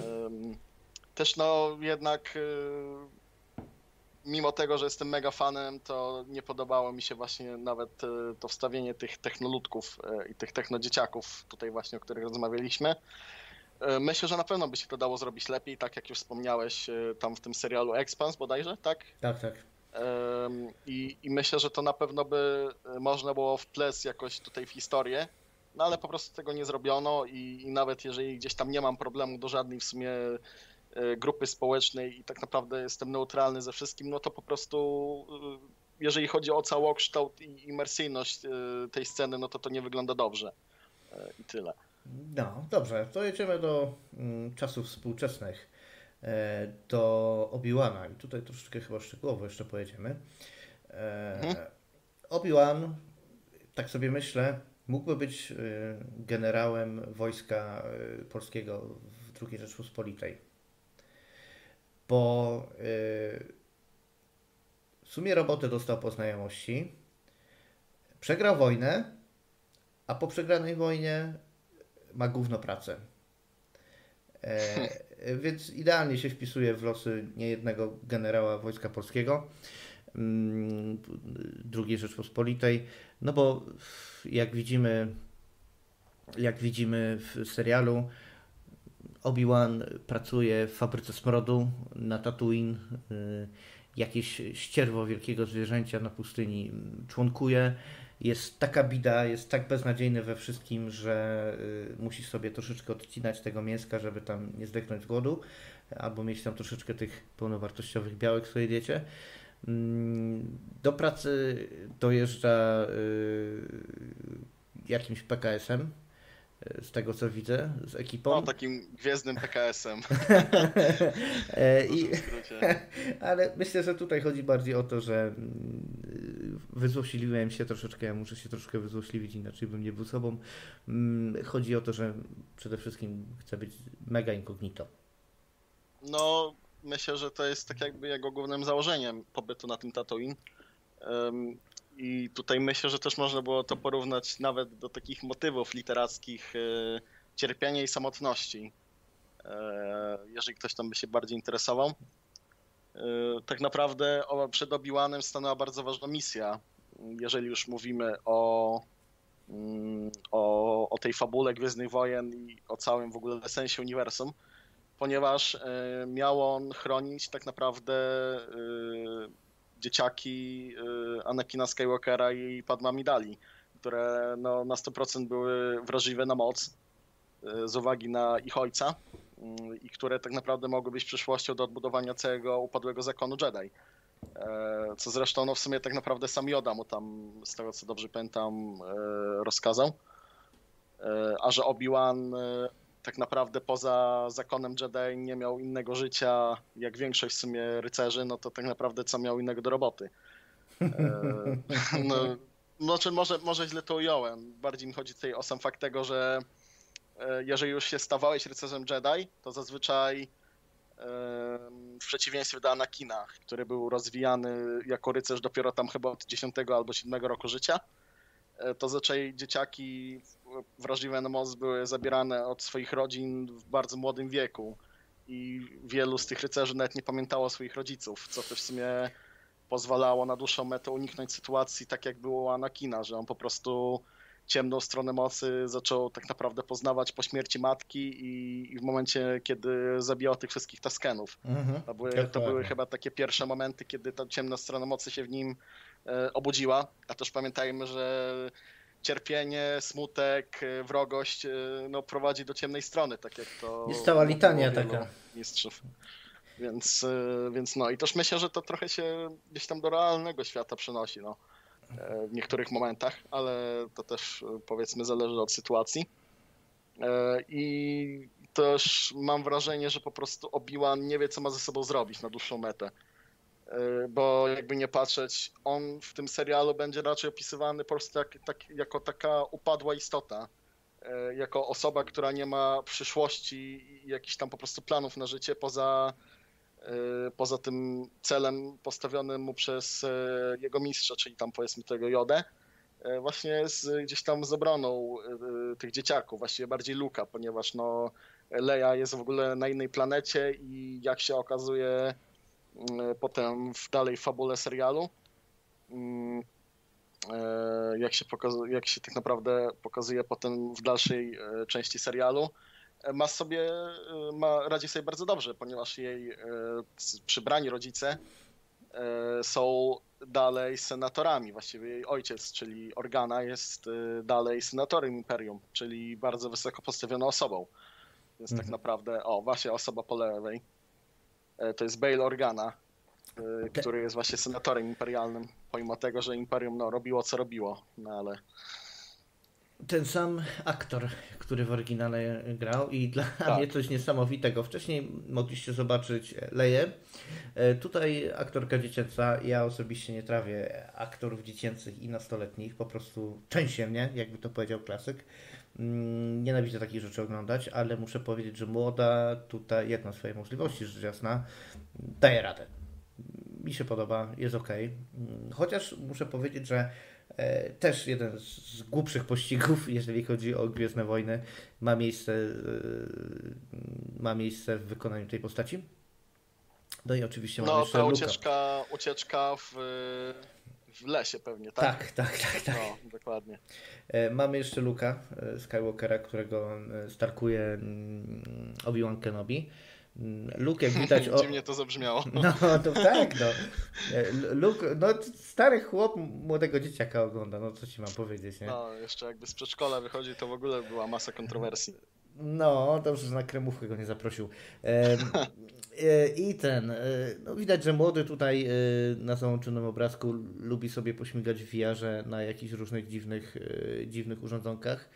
Mm, Później, jak się okazuje, do, dostaje od Obi-Wana model pewien, no i to jest taki sam model, jaki ma w części, w części czwartej Luke i o którym wspomina jeszcze w części piątej, że latał czymś takim i, i, i da się do tego strzelać do Womparad, czyli jest w stanie statkiem kosmicznym trafić do szczura, no co nam mówi o możliwościach, o tym jak moc wpływa na jego refleks.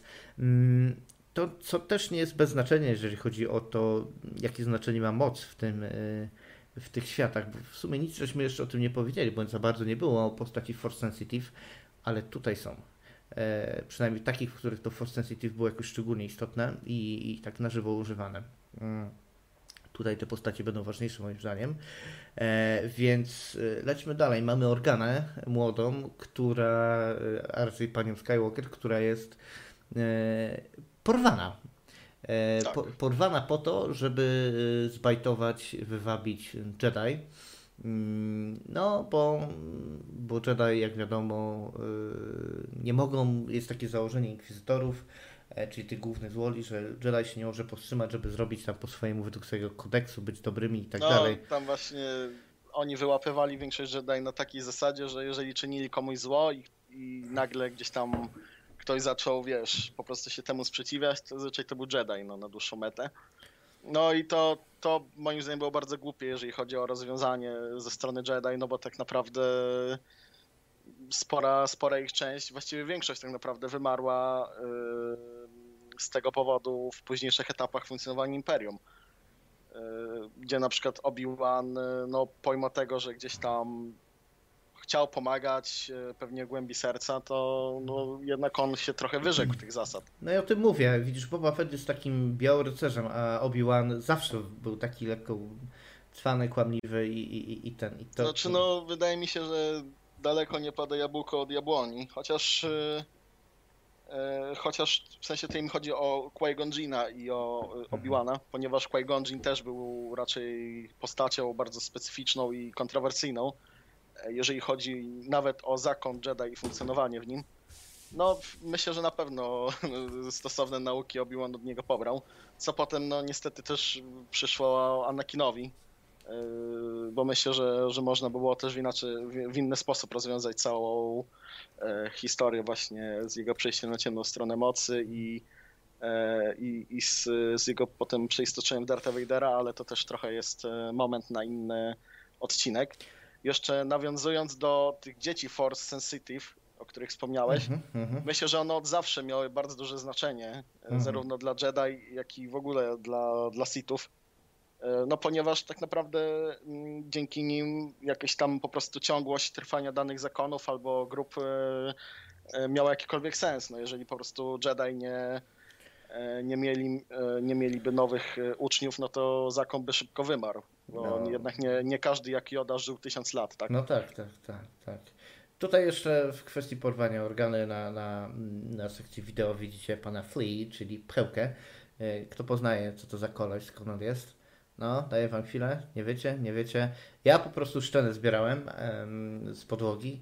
Otóż y, jest to jeden z członków zespołu Red Hot Chili Peppers. to też nie jest przypadkowe, bo osoby zamieszane w Boba Fetta też robiły teledyski. Mm, też robiły teledyski do Red Hot Chili Peppers. Tutaj Ola pisze, że porwanie organy y, na organy miało miejsce. Super. E, Ale powiem ci tak. A dlaczego twarz... akurat ją? Dlaczego akurat ją? No, co, co jego twarz? No, jego twarz tak bardzo znajoma się wydawała, tylko ja bym nie pomyślał, że to jest jakiś tam piosenkarz albo członek zespołu, tylko mhm. bardziej miałem wrażenie, że to był jakiś aktor, który zawsze grał takiego skurczybyka sierżanta gdzieś tam w jakichś amerykańskich filmach wojskowych aha, y, albo aha. coś tego typu. Aha. No ten, ten główny sierżant y, Lee Emery już nie żyje niestety. E, no. Ten, ten najbardziej znany z Full Metal Jacket e, niestety nie żyje. Swoją drogą, chciał kiedyś pogadać o filmach wojskowych czy coś, to zajebiście gorąco zapraszam. Chętnie z Tobą poprowadzę jakiegoś tutaj przy mikrofona. Mm, przy projektora. Mamy pytanie z widowni. Co goś myśli o tym, jak się Obi dowiaduje, że Anakin żyje? Od A, dobra, wiem o co chodzi. Mhm. Pewnie chodzi o tą sytuację, gdy chyba to był drugi odcinek, gdy Tarewa, czyli ta czarnoskóra inkwizytorka, e, jest już praktycznie przy Obiłanie, który ukrywa się w tym hangarze, czy tam w tym magazynie, z którego mają uciec razem z Małoleją. E, I Tarewa nagle wyskakuje mu z tekstem, że Anakin Skywalker żyje. I dobre pytanie tutaj właśnie padło słuchacza, bo moim zdaniem to było trochę dziwne. Raczej zarówno z legend, jak i gdzieś tam z historii E, lub ogólnie takiego przyjętego stanu rzeczy, e, tożsamość Darta Vadera nie była praktycznie nikomu znana. nawet swoim admirałom. Może poza Tarkinem, który z nim współpracował w czasie wojen klonów bardzo blisko. Możliwe, że on jedynie znał jego tożsamość poza Palpatinem.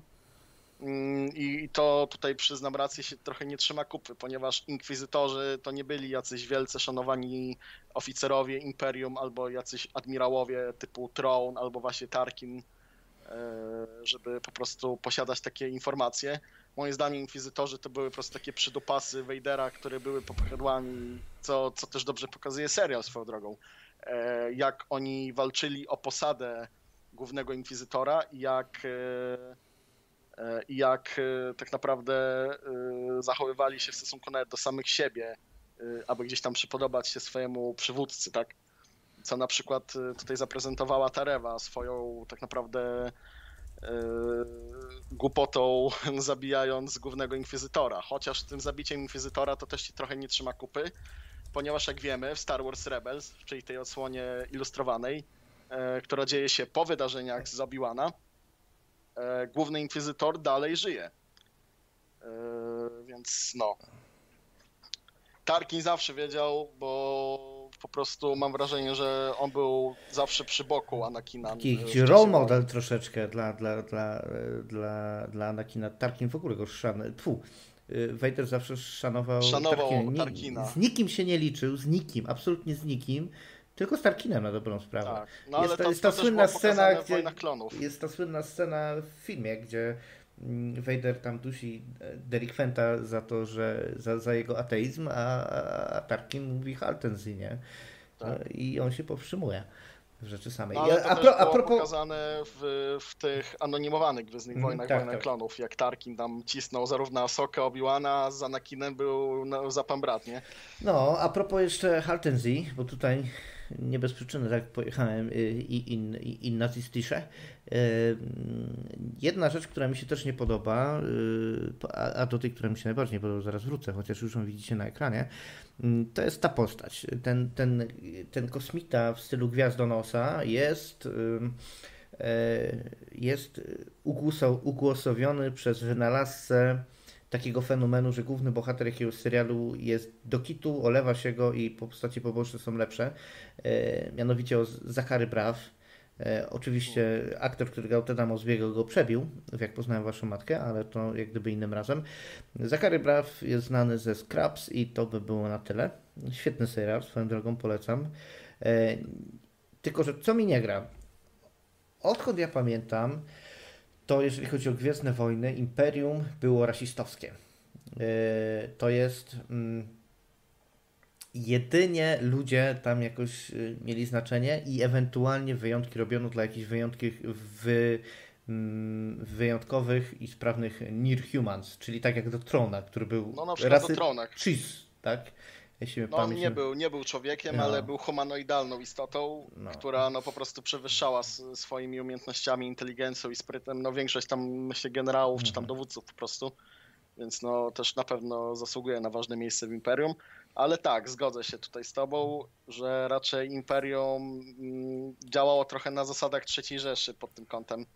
E, I oni raczej wierzyli po prostu w najwyższość ludzi i i, i w to, aby ludzie dowodzili wszystkim na dłuższą metę. Zresztą no, też między innymi na przykład e, wiele raz było niewolnikami Imperium. No tak Łuki skończyli. Łukis, tak? Łuki tak skończyli. Twajlekowie, Łuki. Mon Calamari też byli Dokładnie. w ciężkiej, więc... E, Kaminoanie też finalnie zostali zniszczeni, pomimo tego, że byli naprawdę genialnymi klonerami. Co też dla mnie trochę było głupie i bezsensowne, że Imperium mając pod sobą tak elitarnych naukowców wolało zakończyć z nimi współpracę, zniszczyć im wszystkie laboratoria i tyle. No ale to też już, no, no jak, jak, tak jak mówiłem, logiki się to nie trzyma. No. Ja myślę, że Lukas to specjalnie zrobił, ten taki niewypaczalny grzech rasizmu e, w Plutu w Imperium, bo ja wiem, że są ludzie, mm, paradoksalnie wśród moich znajomych to są ludzie raczej o lewicowej prowiniencji. O, dziękuję. Łuką. 10 zł. Pozdrawiam prowadzących. Również pozdrawiamy.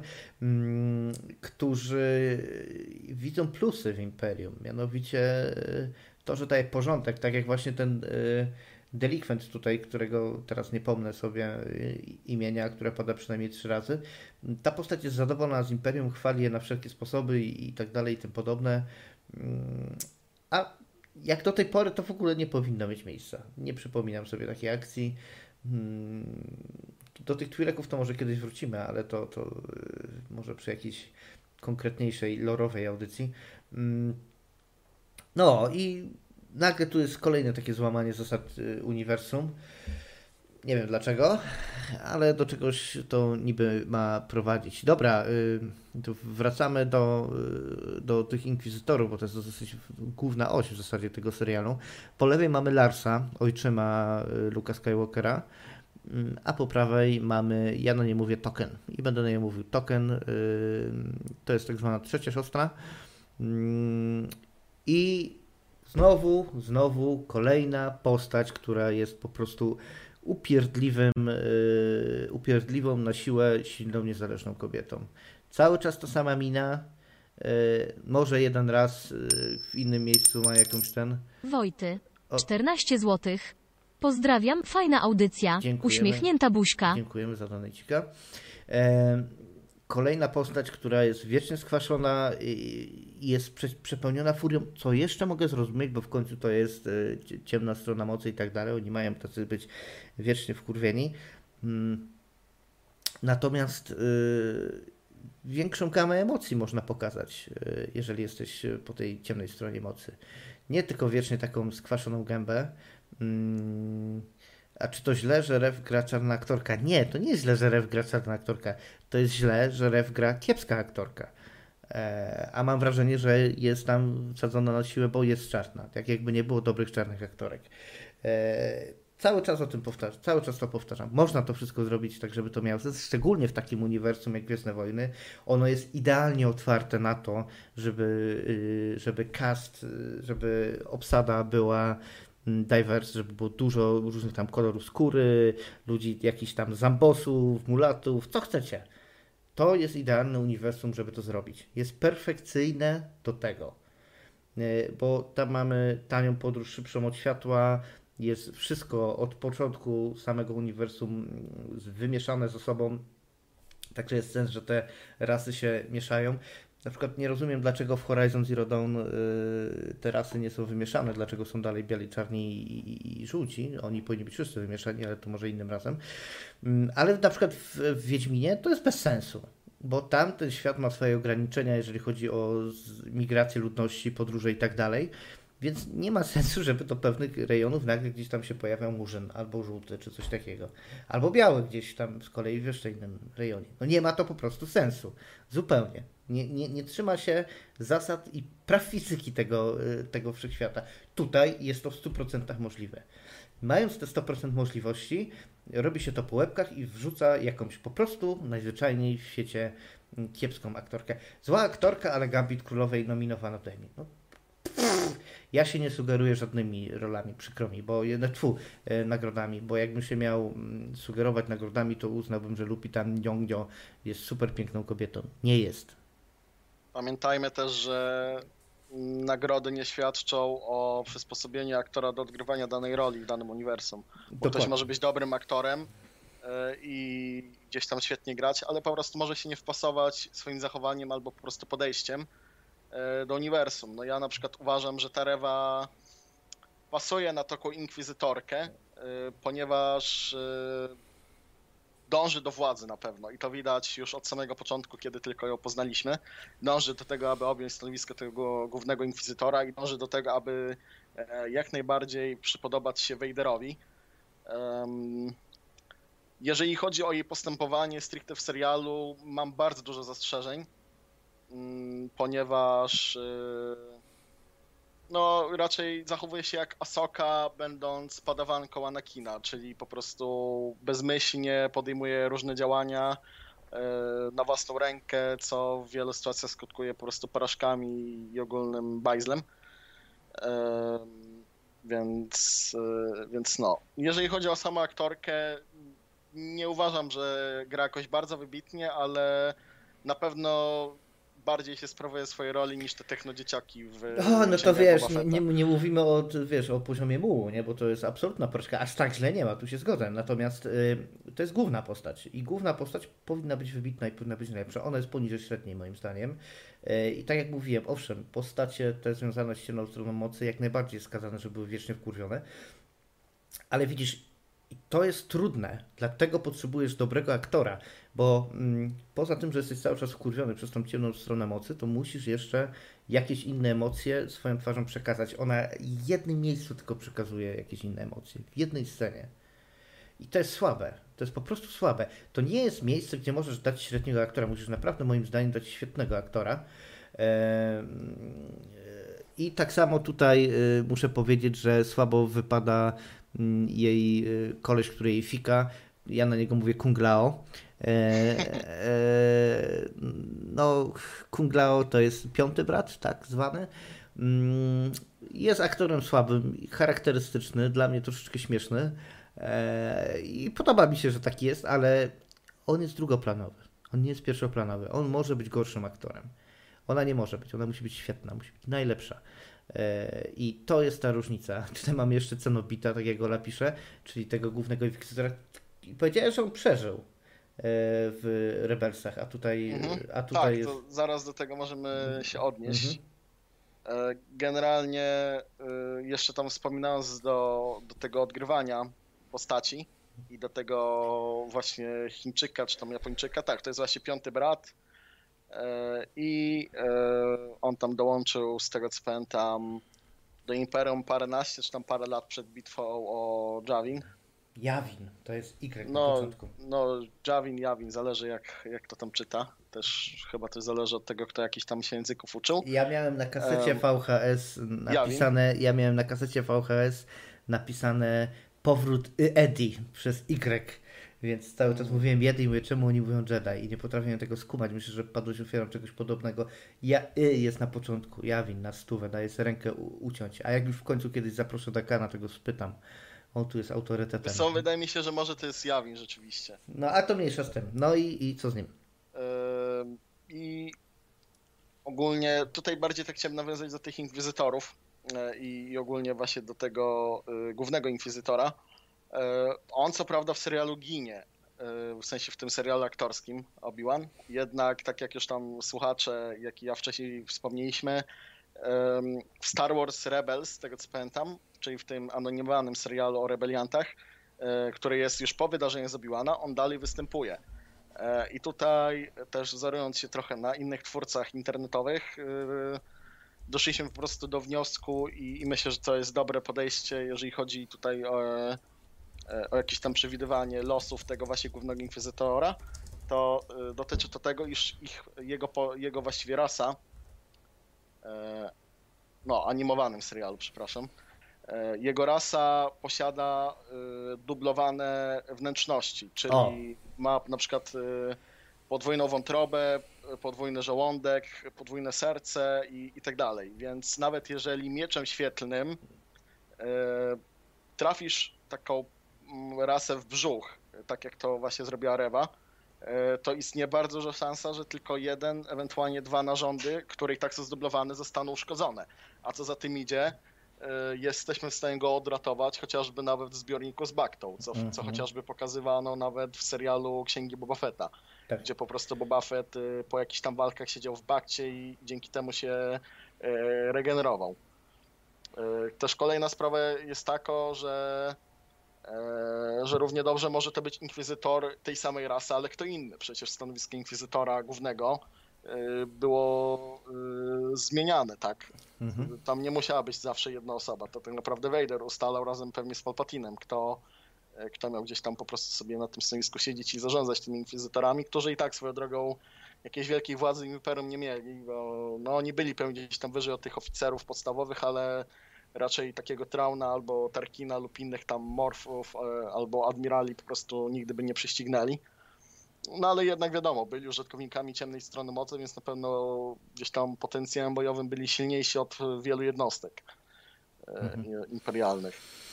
Mhm. No, to dobrze to powiedziałeś, to jak Klingoni, fajna zrzynka. Czekam na to e, z zaparciem, co się stanie. Jedziemy dalej. E, w poszukiwaniu, w poszukiwaniu młodej Lei Obi-Wan Kenobi trafia na planetę podobną do Kursant, do Daju. Mhm. I tutaj coś, co mnie po prostu jakbym dostał stołem w mordę, się poczułem, patrzę i ta dziewczyna mi przypomina tych technobojów. Po prostu jak zobaczyłem tą scenę z nią, to jak ona gada, e, wybito mnie z imersji. Kolejny raz. To niestety się w tych serialach zdarza, wybito mnie z imersji. Ale co, co, co to za jedna? Bo tak no, wiem, że masz ciekawostkę na jej temat. Um, ogólnie myślę, że tutaj na tej planecie i tak bardziej ona pasuje e, właśnie swoim wyglądem e, w porównaniu do, do tego Tatooine. Generalnie ciekawostka na temat e, tej postaci, która tam swoją drogą handlowała tymi takimi narkotykami gwiezdnowojennymi jest fakt, że jest to córka bohatera tego serialu, czyli jest to córka po prostu Ewana McGregora, taka prawdziwa córka, więc to jest taki ciekawy plot twist. Ewan McGregor to jest w ogóle niezły ananasik, bo znalazł sobie, znalazł sobie drugą żonę, która wygląda identycznie jak jego pierwsza żona za młodu, więc e, to muszę powiedzieć, że dosyć ciekawa sprawa. Jednak się będzie z nią hajtał. Niestety był takim, znaczy na szczęście był taki moment, że chciała go kopnąć, ale się nie udało. Szkoda, bo należałoby mu się. Mm, Mary Elizabeth Winstead, y, tak, y, grała w, z tego co ja kojarzę, to coś, remake'u Cosia, znaczy remake'u, prequelu Cosia grała i w na przykład serialu Fargo, tak, grała w Fargo. Też swoją drogą właśnie z Evanem McGregorem, gdzie ten tam romans się z nimi y, rozpoczął. E, ale to ta scena mnie wybiła z imersji. Jeżeli uważasz, że ci pasuje, to ok. Ja w ogóle myślę, że jeżeli chodzi o to wybijanie się z imersji w tych serialach, to w dużej mierze jest, y, powoduje to to, że te postacie są troszeczkę głębsze niż w filmach. W filmach siłą rzeczą nie mogą być głębsze, nie mogą być takie real life, nie możesz pokazać tego tła. Tutaj masz tą możliwość, że pokażesz to tło, pokażesz tych NPC-ów, te postacie trzecioplanowe, nawet czwartoplanowe, że tak powiem, y, mhm. które nagle mają swoje problemy pod tytułem, że chce mi się pić. Tego nie ma w filmie. Nie możesz tego pokazać, bo nie masz czasu na takie rzeczy. A tutaj to masz. No tak, dokładnie. I to robi troszeczkę różnicę. Może to ludzi, którzy jak gdyby nie mieli, tak jak my, tej przesiadki przez y, serial Wojen Klonów i troszeczkę się z tym nie oswoili, może to trochę wybijać właśnie z imersji. Ale o, tutaj, co to za delikwent, powiedz mi. Bo aktor wygląda znajomo, że tak powiem, y, i, ale ty właśnie dlatego, że masz tą wiedzę o tych Clone Trooperach, możesz troszeczkę więcej tutaj powiedzieć. Mm, tak, zaraz do tego nawiążę. Jeszcze y, odniosę się do tego, co wspominałeś wcześniej, czyli y, tego wybijania z imersji. Y, myślę, że no, tutaj na pewno te seriale mają albo przewagę, albo też minus, w zależności jak scenarzyści to wykonywa, y, wykombinują właśnie pod kątem gdzieś tam rozwijania y, wątków y, osobistych postaci, nawet drugo, trzecio, czwartoplanowych.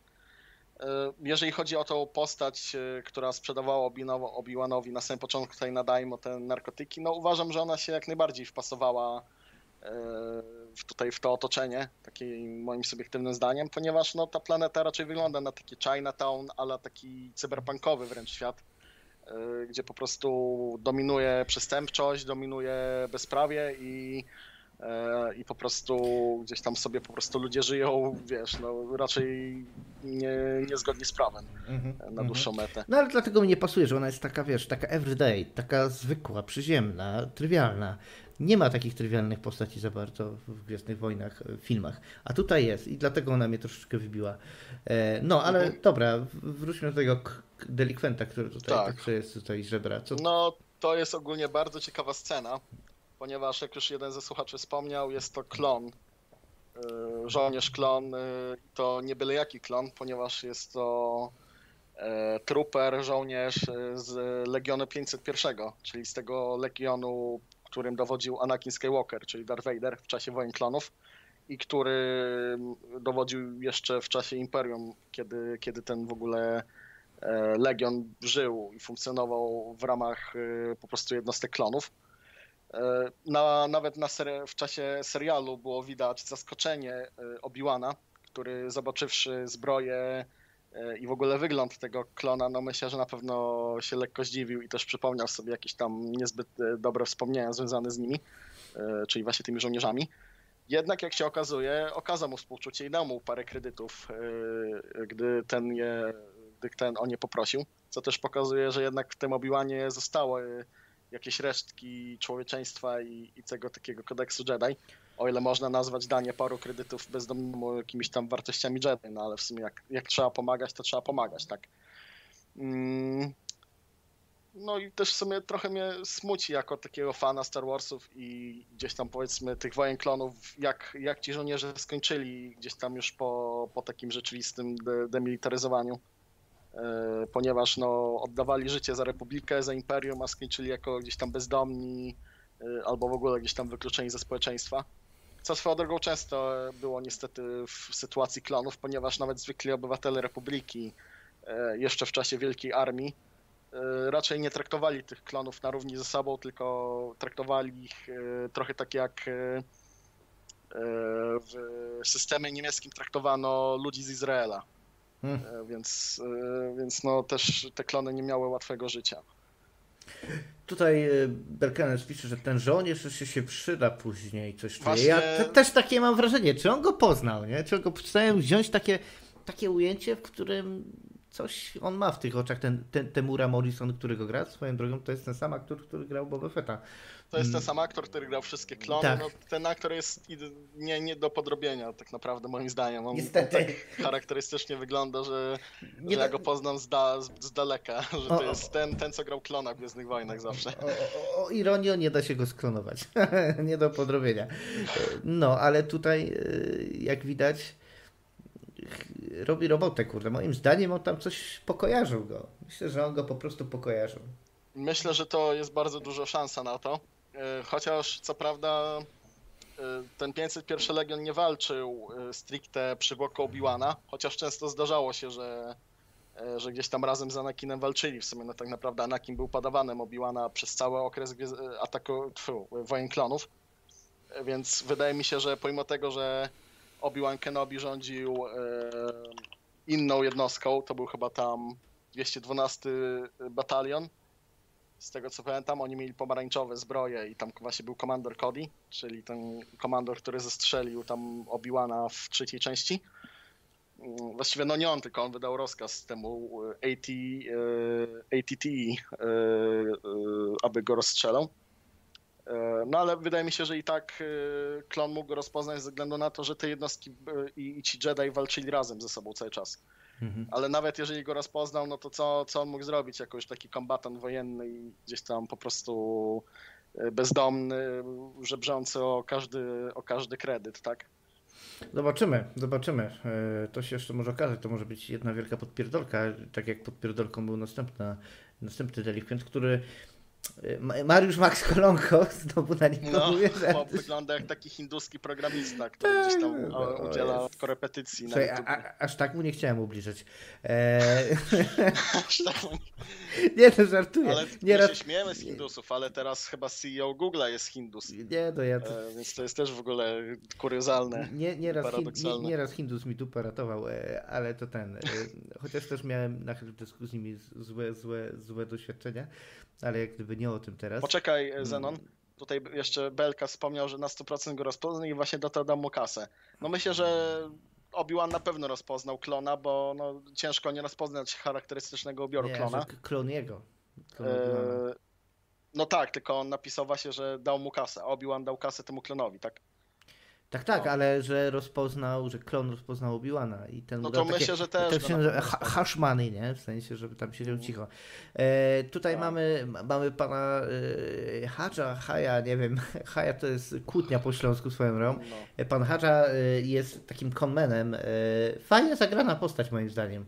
E, świetnie, świetnie jak jest cwaniaczka tam udaje, który, znaczy świetnym jest cwaniaczkiem, który udaje e, Jedi'a. Rycerza Jedi. Tak, tak, tak. E, od razu mówię, a to Magnus będzie, no i faktycznie. E, dobra rzecz, jeżeli chodzi o ten, o tworzenie postaci fajnie wymyślone. Na przykład nie pasuje mi to, znaczy dlaczego on im finalnie pomógł. Jeżeli... To też jest dla mnie strasznie niepojęte, szczególnie biorąc pod uwagę to, że potem każdy w mieście dostał tak jakby rysopis Obi-Wana Kenobiego i on też go dostał. I zamiast go zgłosić i dostać pieniądze, na które był tak łasy, to finalnie wolą mu pomóc, no ale cóż no. No powiem tak, y, służby specjalne mają zawsze wtyki w półświadku. To jest jeden z głównych powodów, dla których się nie likwiduje w krwawy sposób albo w zdecydowany sposób mafii. No bo musisz wtedy od nowa sobie swoje asety budować i nową inwigilować y, strukturę. Dlatego się nie likwiduje mafii tak w bezwzględny sposób. Mm, I może być podobnie tutaj, nie? Ten ring y, przestępców może być powiązany jakoś z rebelią, ten delikwent może być rebeliantem, być tam gnidą, która robi jakieś podpierdolki, chociaż podobno on tych ludzi faktycznie wysłał tam, gdzie trzeba, tylko w jakiś pokrętny sposób. Mm. No i że on może być po prostu powiązany z, jak to się nazywa, Botan Spy Network. Y, z... Tak, to jest ta sieć, która y, pomagała Jedi wydostać się z zapałów i ogólnie tam ratowała ich w razie czego. E, tam wspomniałeś, że on finalnie im tam pomógł. E, to tak, finalnie dał im te bilety e, i finalnie wskazał drogę, gdzie mo- w sensie on chyba nawet im nie dał biletów, tylko wskazał drogę, gdzie mogą w ogóle polecieć sobie takim promem transportowym, gdzie spotkają się z nim jakieś tam jego znajomy. I finalnie do tego doszło, więc jakby nie patrzeć, ta postać przyczyniła się gdzieś tam do rozwoju fabuły. Mhm. No, może jeszcze wróci. To się jeszcze okaże. Mam dziwne wrażenie, że e, nie skończy się kariera z tej planety na tym, na tym epizodzie. Jedziemy dalej, do trzeciego odcinka wracamy. E, no tutaj mamy, tak jak wspomniałeś, e, siostrzyczkę, inkwizytorkę, która mm, z Vaderem się ugaduje. Jak byś strój tego Vadera opisał? Do którego, do czego to pasuje? Jak to się ma do tego, co było w filmach? No bo z tego co widzimy, to jest świetna scena składania Vadera do kupy. Ja nie wiem na ile to ma sens, że te ręce są zrobione. Jedną chyba rękę miał bardziej kompletną niż drugą, ale tutaj jest jakoś tak równo uciosane. Nie, z niego to kadłubek został już praktycznie. Fi... Nie, nie no to zbierać. No, dobra, to. Aha, no ale wydaje mi się, że tam lewą rękę czy prawą miał bardziej kompletną. Możliwe. E, tak czy siak na równo to wszystko, takie kuciki tam Vincenty ma, ma ogarnięte. Tak. Wszystko do niego jest przymontowane, wchodzi w jakąś taką dziwną, mroczną kufajkę pikowaną e, i jest Vaderem. Co mi się podoba, mm, to to, że głos dalej daje mu 92-letni James Earl Jones. to dalej jest ten głos, który, który cały czas nam towarzyszył. Mam nadzieję, że jest duża baza e, głosu Jamesa Earla Jonesa, wystarczająca, żeby bardzo dobrze nakarmić sztuczną inteligencję i żeby po jego twutwu śmierci dalej tą postać e, ugłosowiać w ten sposób. E, powiedz mi, bo jest taki detal, na który zwracają niektórzy fani uwagę, o co chodzi z tymi jego oczyma, wizjerem, raz czerwone, raz czarne. Kojarzysz tę sytuację? Wiesz co, z tego co pamiętam, to dotyczyło to tego, iż w różnych e, epizodach Vader miał różne kolory tych gałek ocznych. Mhm E, czasami były one czarne, czasami czerwone. E, nie pamiętam dokładnie, jaka tam była zależność. Możliwe, że nawet tej zależności na dłuższą metę nie było. Mhm. Ale na pewno to był taki właśnie easter egg dla, dla fanów i dla osób, które gdzieś tam bardziej się przyglądały. No jak widzimy tutaj, e, Vader wykonany pewnie przy pomocy jakichś tam efektów specjalnych, no ma czarne oczy, jeżeli, jeżeli mhm. się nie mylę. No i jakby dla mnie wygląda bardzo, bardzo obiecująco i i, i wygląda na pewno trochę bardziej opupionie niż, niż w przypadku epizodów Aha.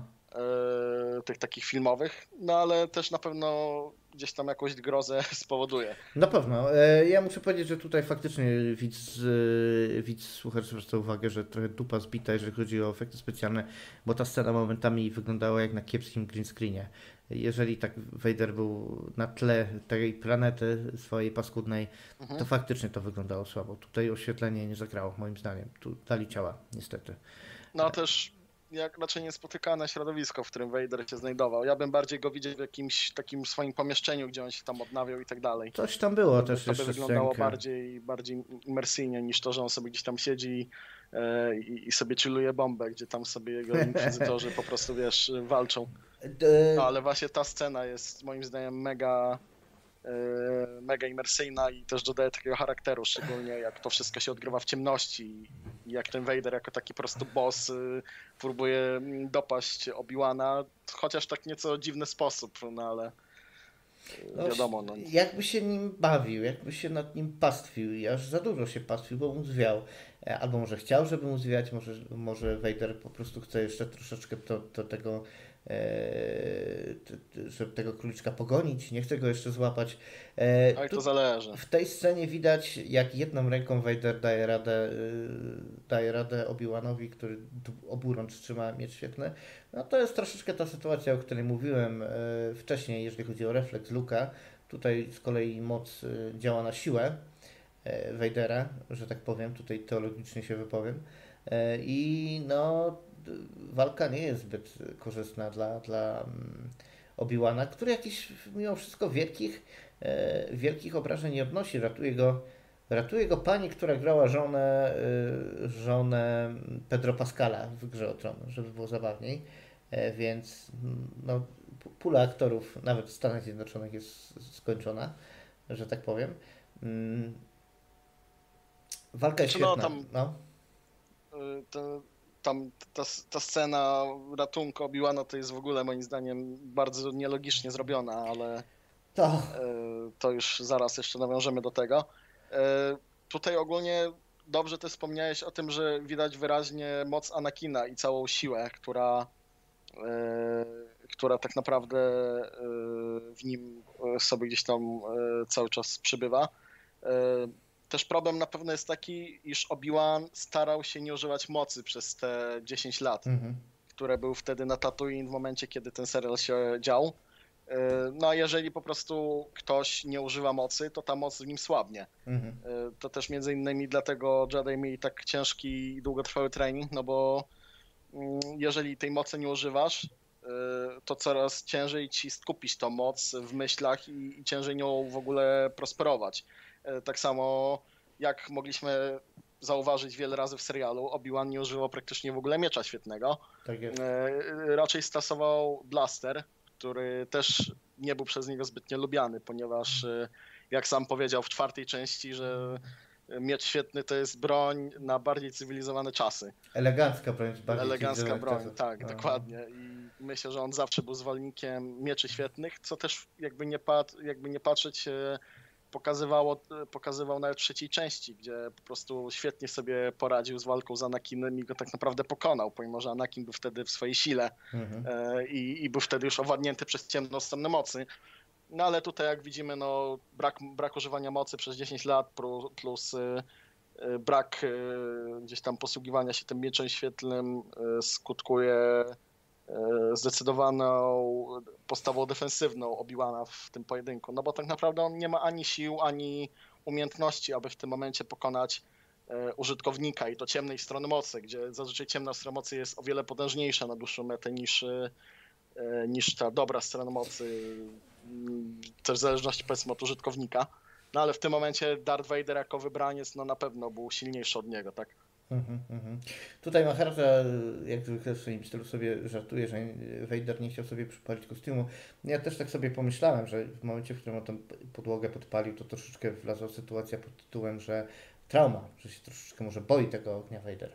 E, hmm, no Przecież e, to, to też specyficzne trochę jest, bo Vader sam ten ogień rozpalił no i co z tego? E, wcześniej I właśnie chciał y, spowodować taki sam uszczerbek na zdrowie Obi-Wanowi, jak on spowodował mu, czyli tak, go tam tak. przyciągnął mocą i zaczął go po prostu podpalać na ziemi. I sam wspomniał, że będzie cierpiał teraz i to jest dopiero początek jego cierpienia.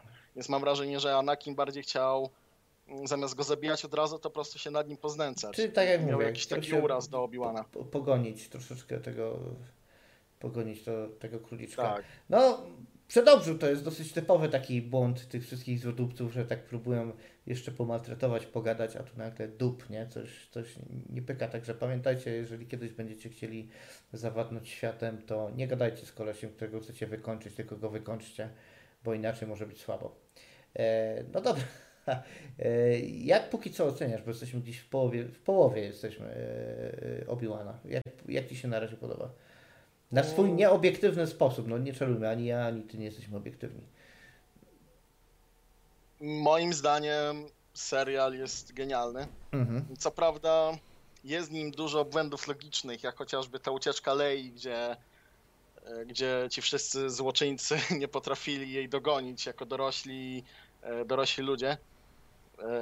Do tego specjalnie nawet na montażu było widać, że ci powiedzmy łowcy nagród, czy tam łowcy głów specjalnie zwalniali, żeby ta Leia mogła uciekać i, żeby nie mogli nad nią nadążyć. Pomijam już fakt totalnie całego pościgu w tym lesie, gdzie Leia zrzucając na nich krzewy blokowała ich i oni nie potrafili przez nie przeskoczyć. Tak samo chociażby potem mm, ucieczka już na Daimo mm, przed Obi-Wanem i przed y, tymi wszystkimi inkwizytorami, no to też wygląda po prostu po prostu śmiesznie. No. Cały ten montaż jest wykonany w bardzo zły sposób E, bo po prostu ten pościg nie jest w ogóle dynamiczny. On się wydaje jakby albo stał w miejscu, albo był bardzo wolny, specjalnie przystosowany tylko dlatego, e, żeby ta Leja na tych swoich malutkich nóżkach mogła, wiesz, gdzieś tam sobie dalej e, pobiec. No, no I jest nie, nie kolejna rzecz leniwa, którą można było zrobić lepiej. Gdyby to było jakieś, wiesz, gdyby ona znając ten las korzystała z jakiegoś miejsca, gdzie są, wiesz, dzięki swojemu niskiemu wzrostowi może ona przejść, a oni nie mogą przejść, bo są jakieś haszcze, to wtedy by to miało większy sens. E, ale no to by wymagało większego kunsztu i przygotowania, tak? I pomyślunku. Więc tutaj troszeczkę idą na ich I planeta się nazywa Daiyu, nie Daimyo. E, no Dai, tak, da, da, Daimyo to jest stanowisko, to, które piastował Jabba, Bib Fortuna i teraz Boba Fett. Moim tak, zdaniem be, beznadziejna nazwa.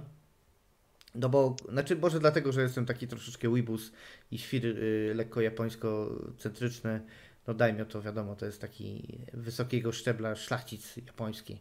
Troszeczkę mi to nie gra, no ale niech będzie, niech będzie, niech będzie, niech będzie. E, mógłbym jeszcze długo marudzić, jeżeli chodzi o te rzeczy i mimo tego, że mógłbym długo marudzić, nawet bez poprawki na moje wrodzone zdolności o marudzeniu, mm, to i tak mi się podobają wszystkie te trzy seriale. Bardzo mi się podobają, różnice między nimi jakościowo dla mnie są nieznaczne. Mm, ale no tak jak powiedziałem i ty to powiedziałeś, my nie jesteśmy obiektywni, jeżeli o to idzie. Myślę, prostu. że na pewno jakiś grafik, scenarzysta albo osoba, która nigdy Gwiezdnych Wojen nie widziała, mogłaby się do tego przyczepić. No ale no myślę, że gdzieś tam osoba, która jest po prostu fanem, no to niezależnie od tego, czy, czy podadzą jej po prostu jakąś gorszą produkcję albo lepszą, E, to po prostu będziemy odbierali te, te wszystkie filmy, seriale z takim specjalnym miejscem w sercu.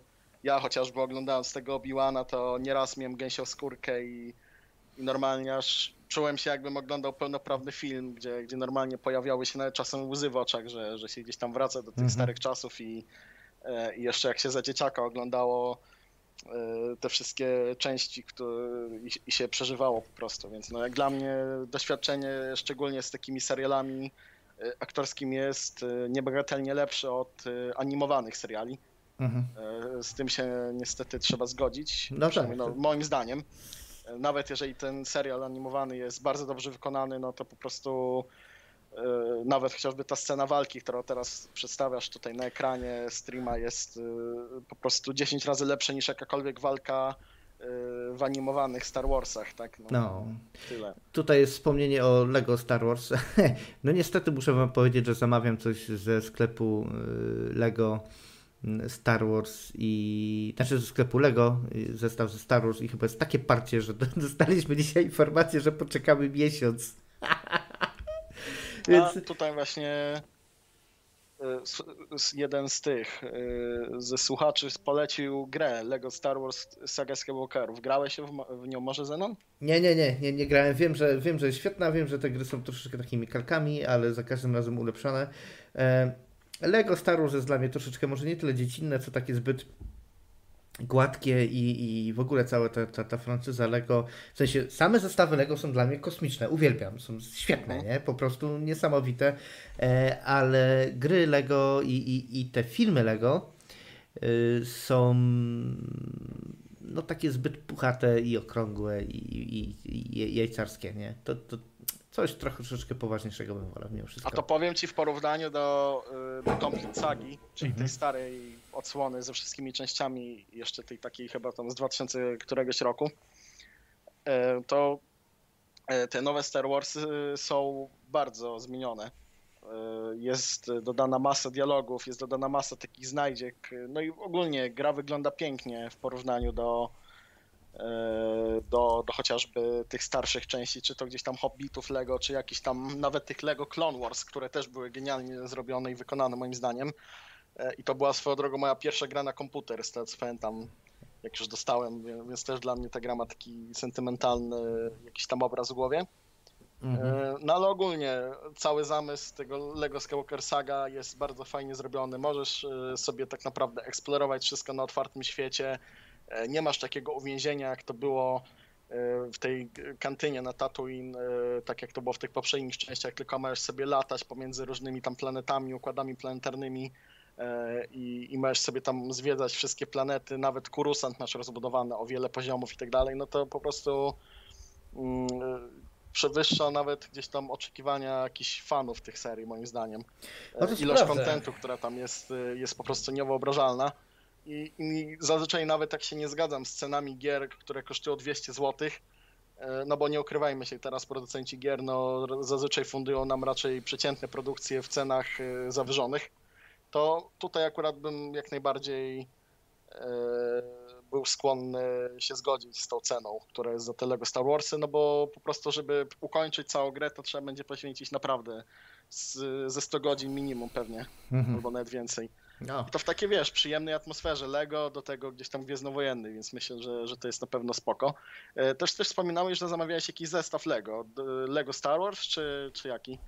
Tak, tak, tak, Lego Star Wars, no. Jaki tam zestaw w ogóle? O Jezusie Nazarejski, to jest y, czołg y, ten, y, czołg Republiki. ten taki, ten taki, Zaraz. co unosił się na powietrze, nie? Tak, tak, tak, tak, tak.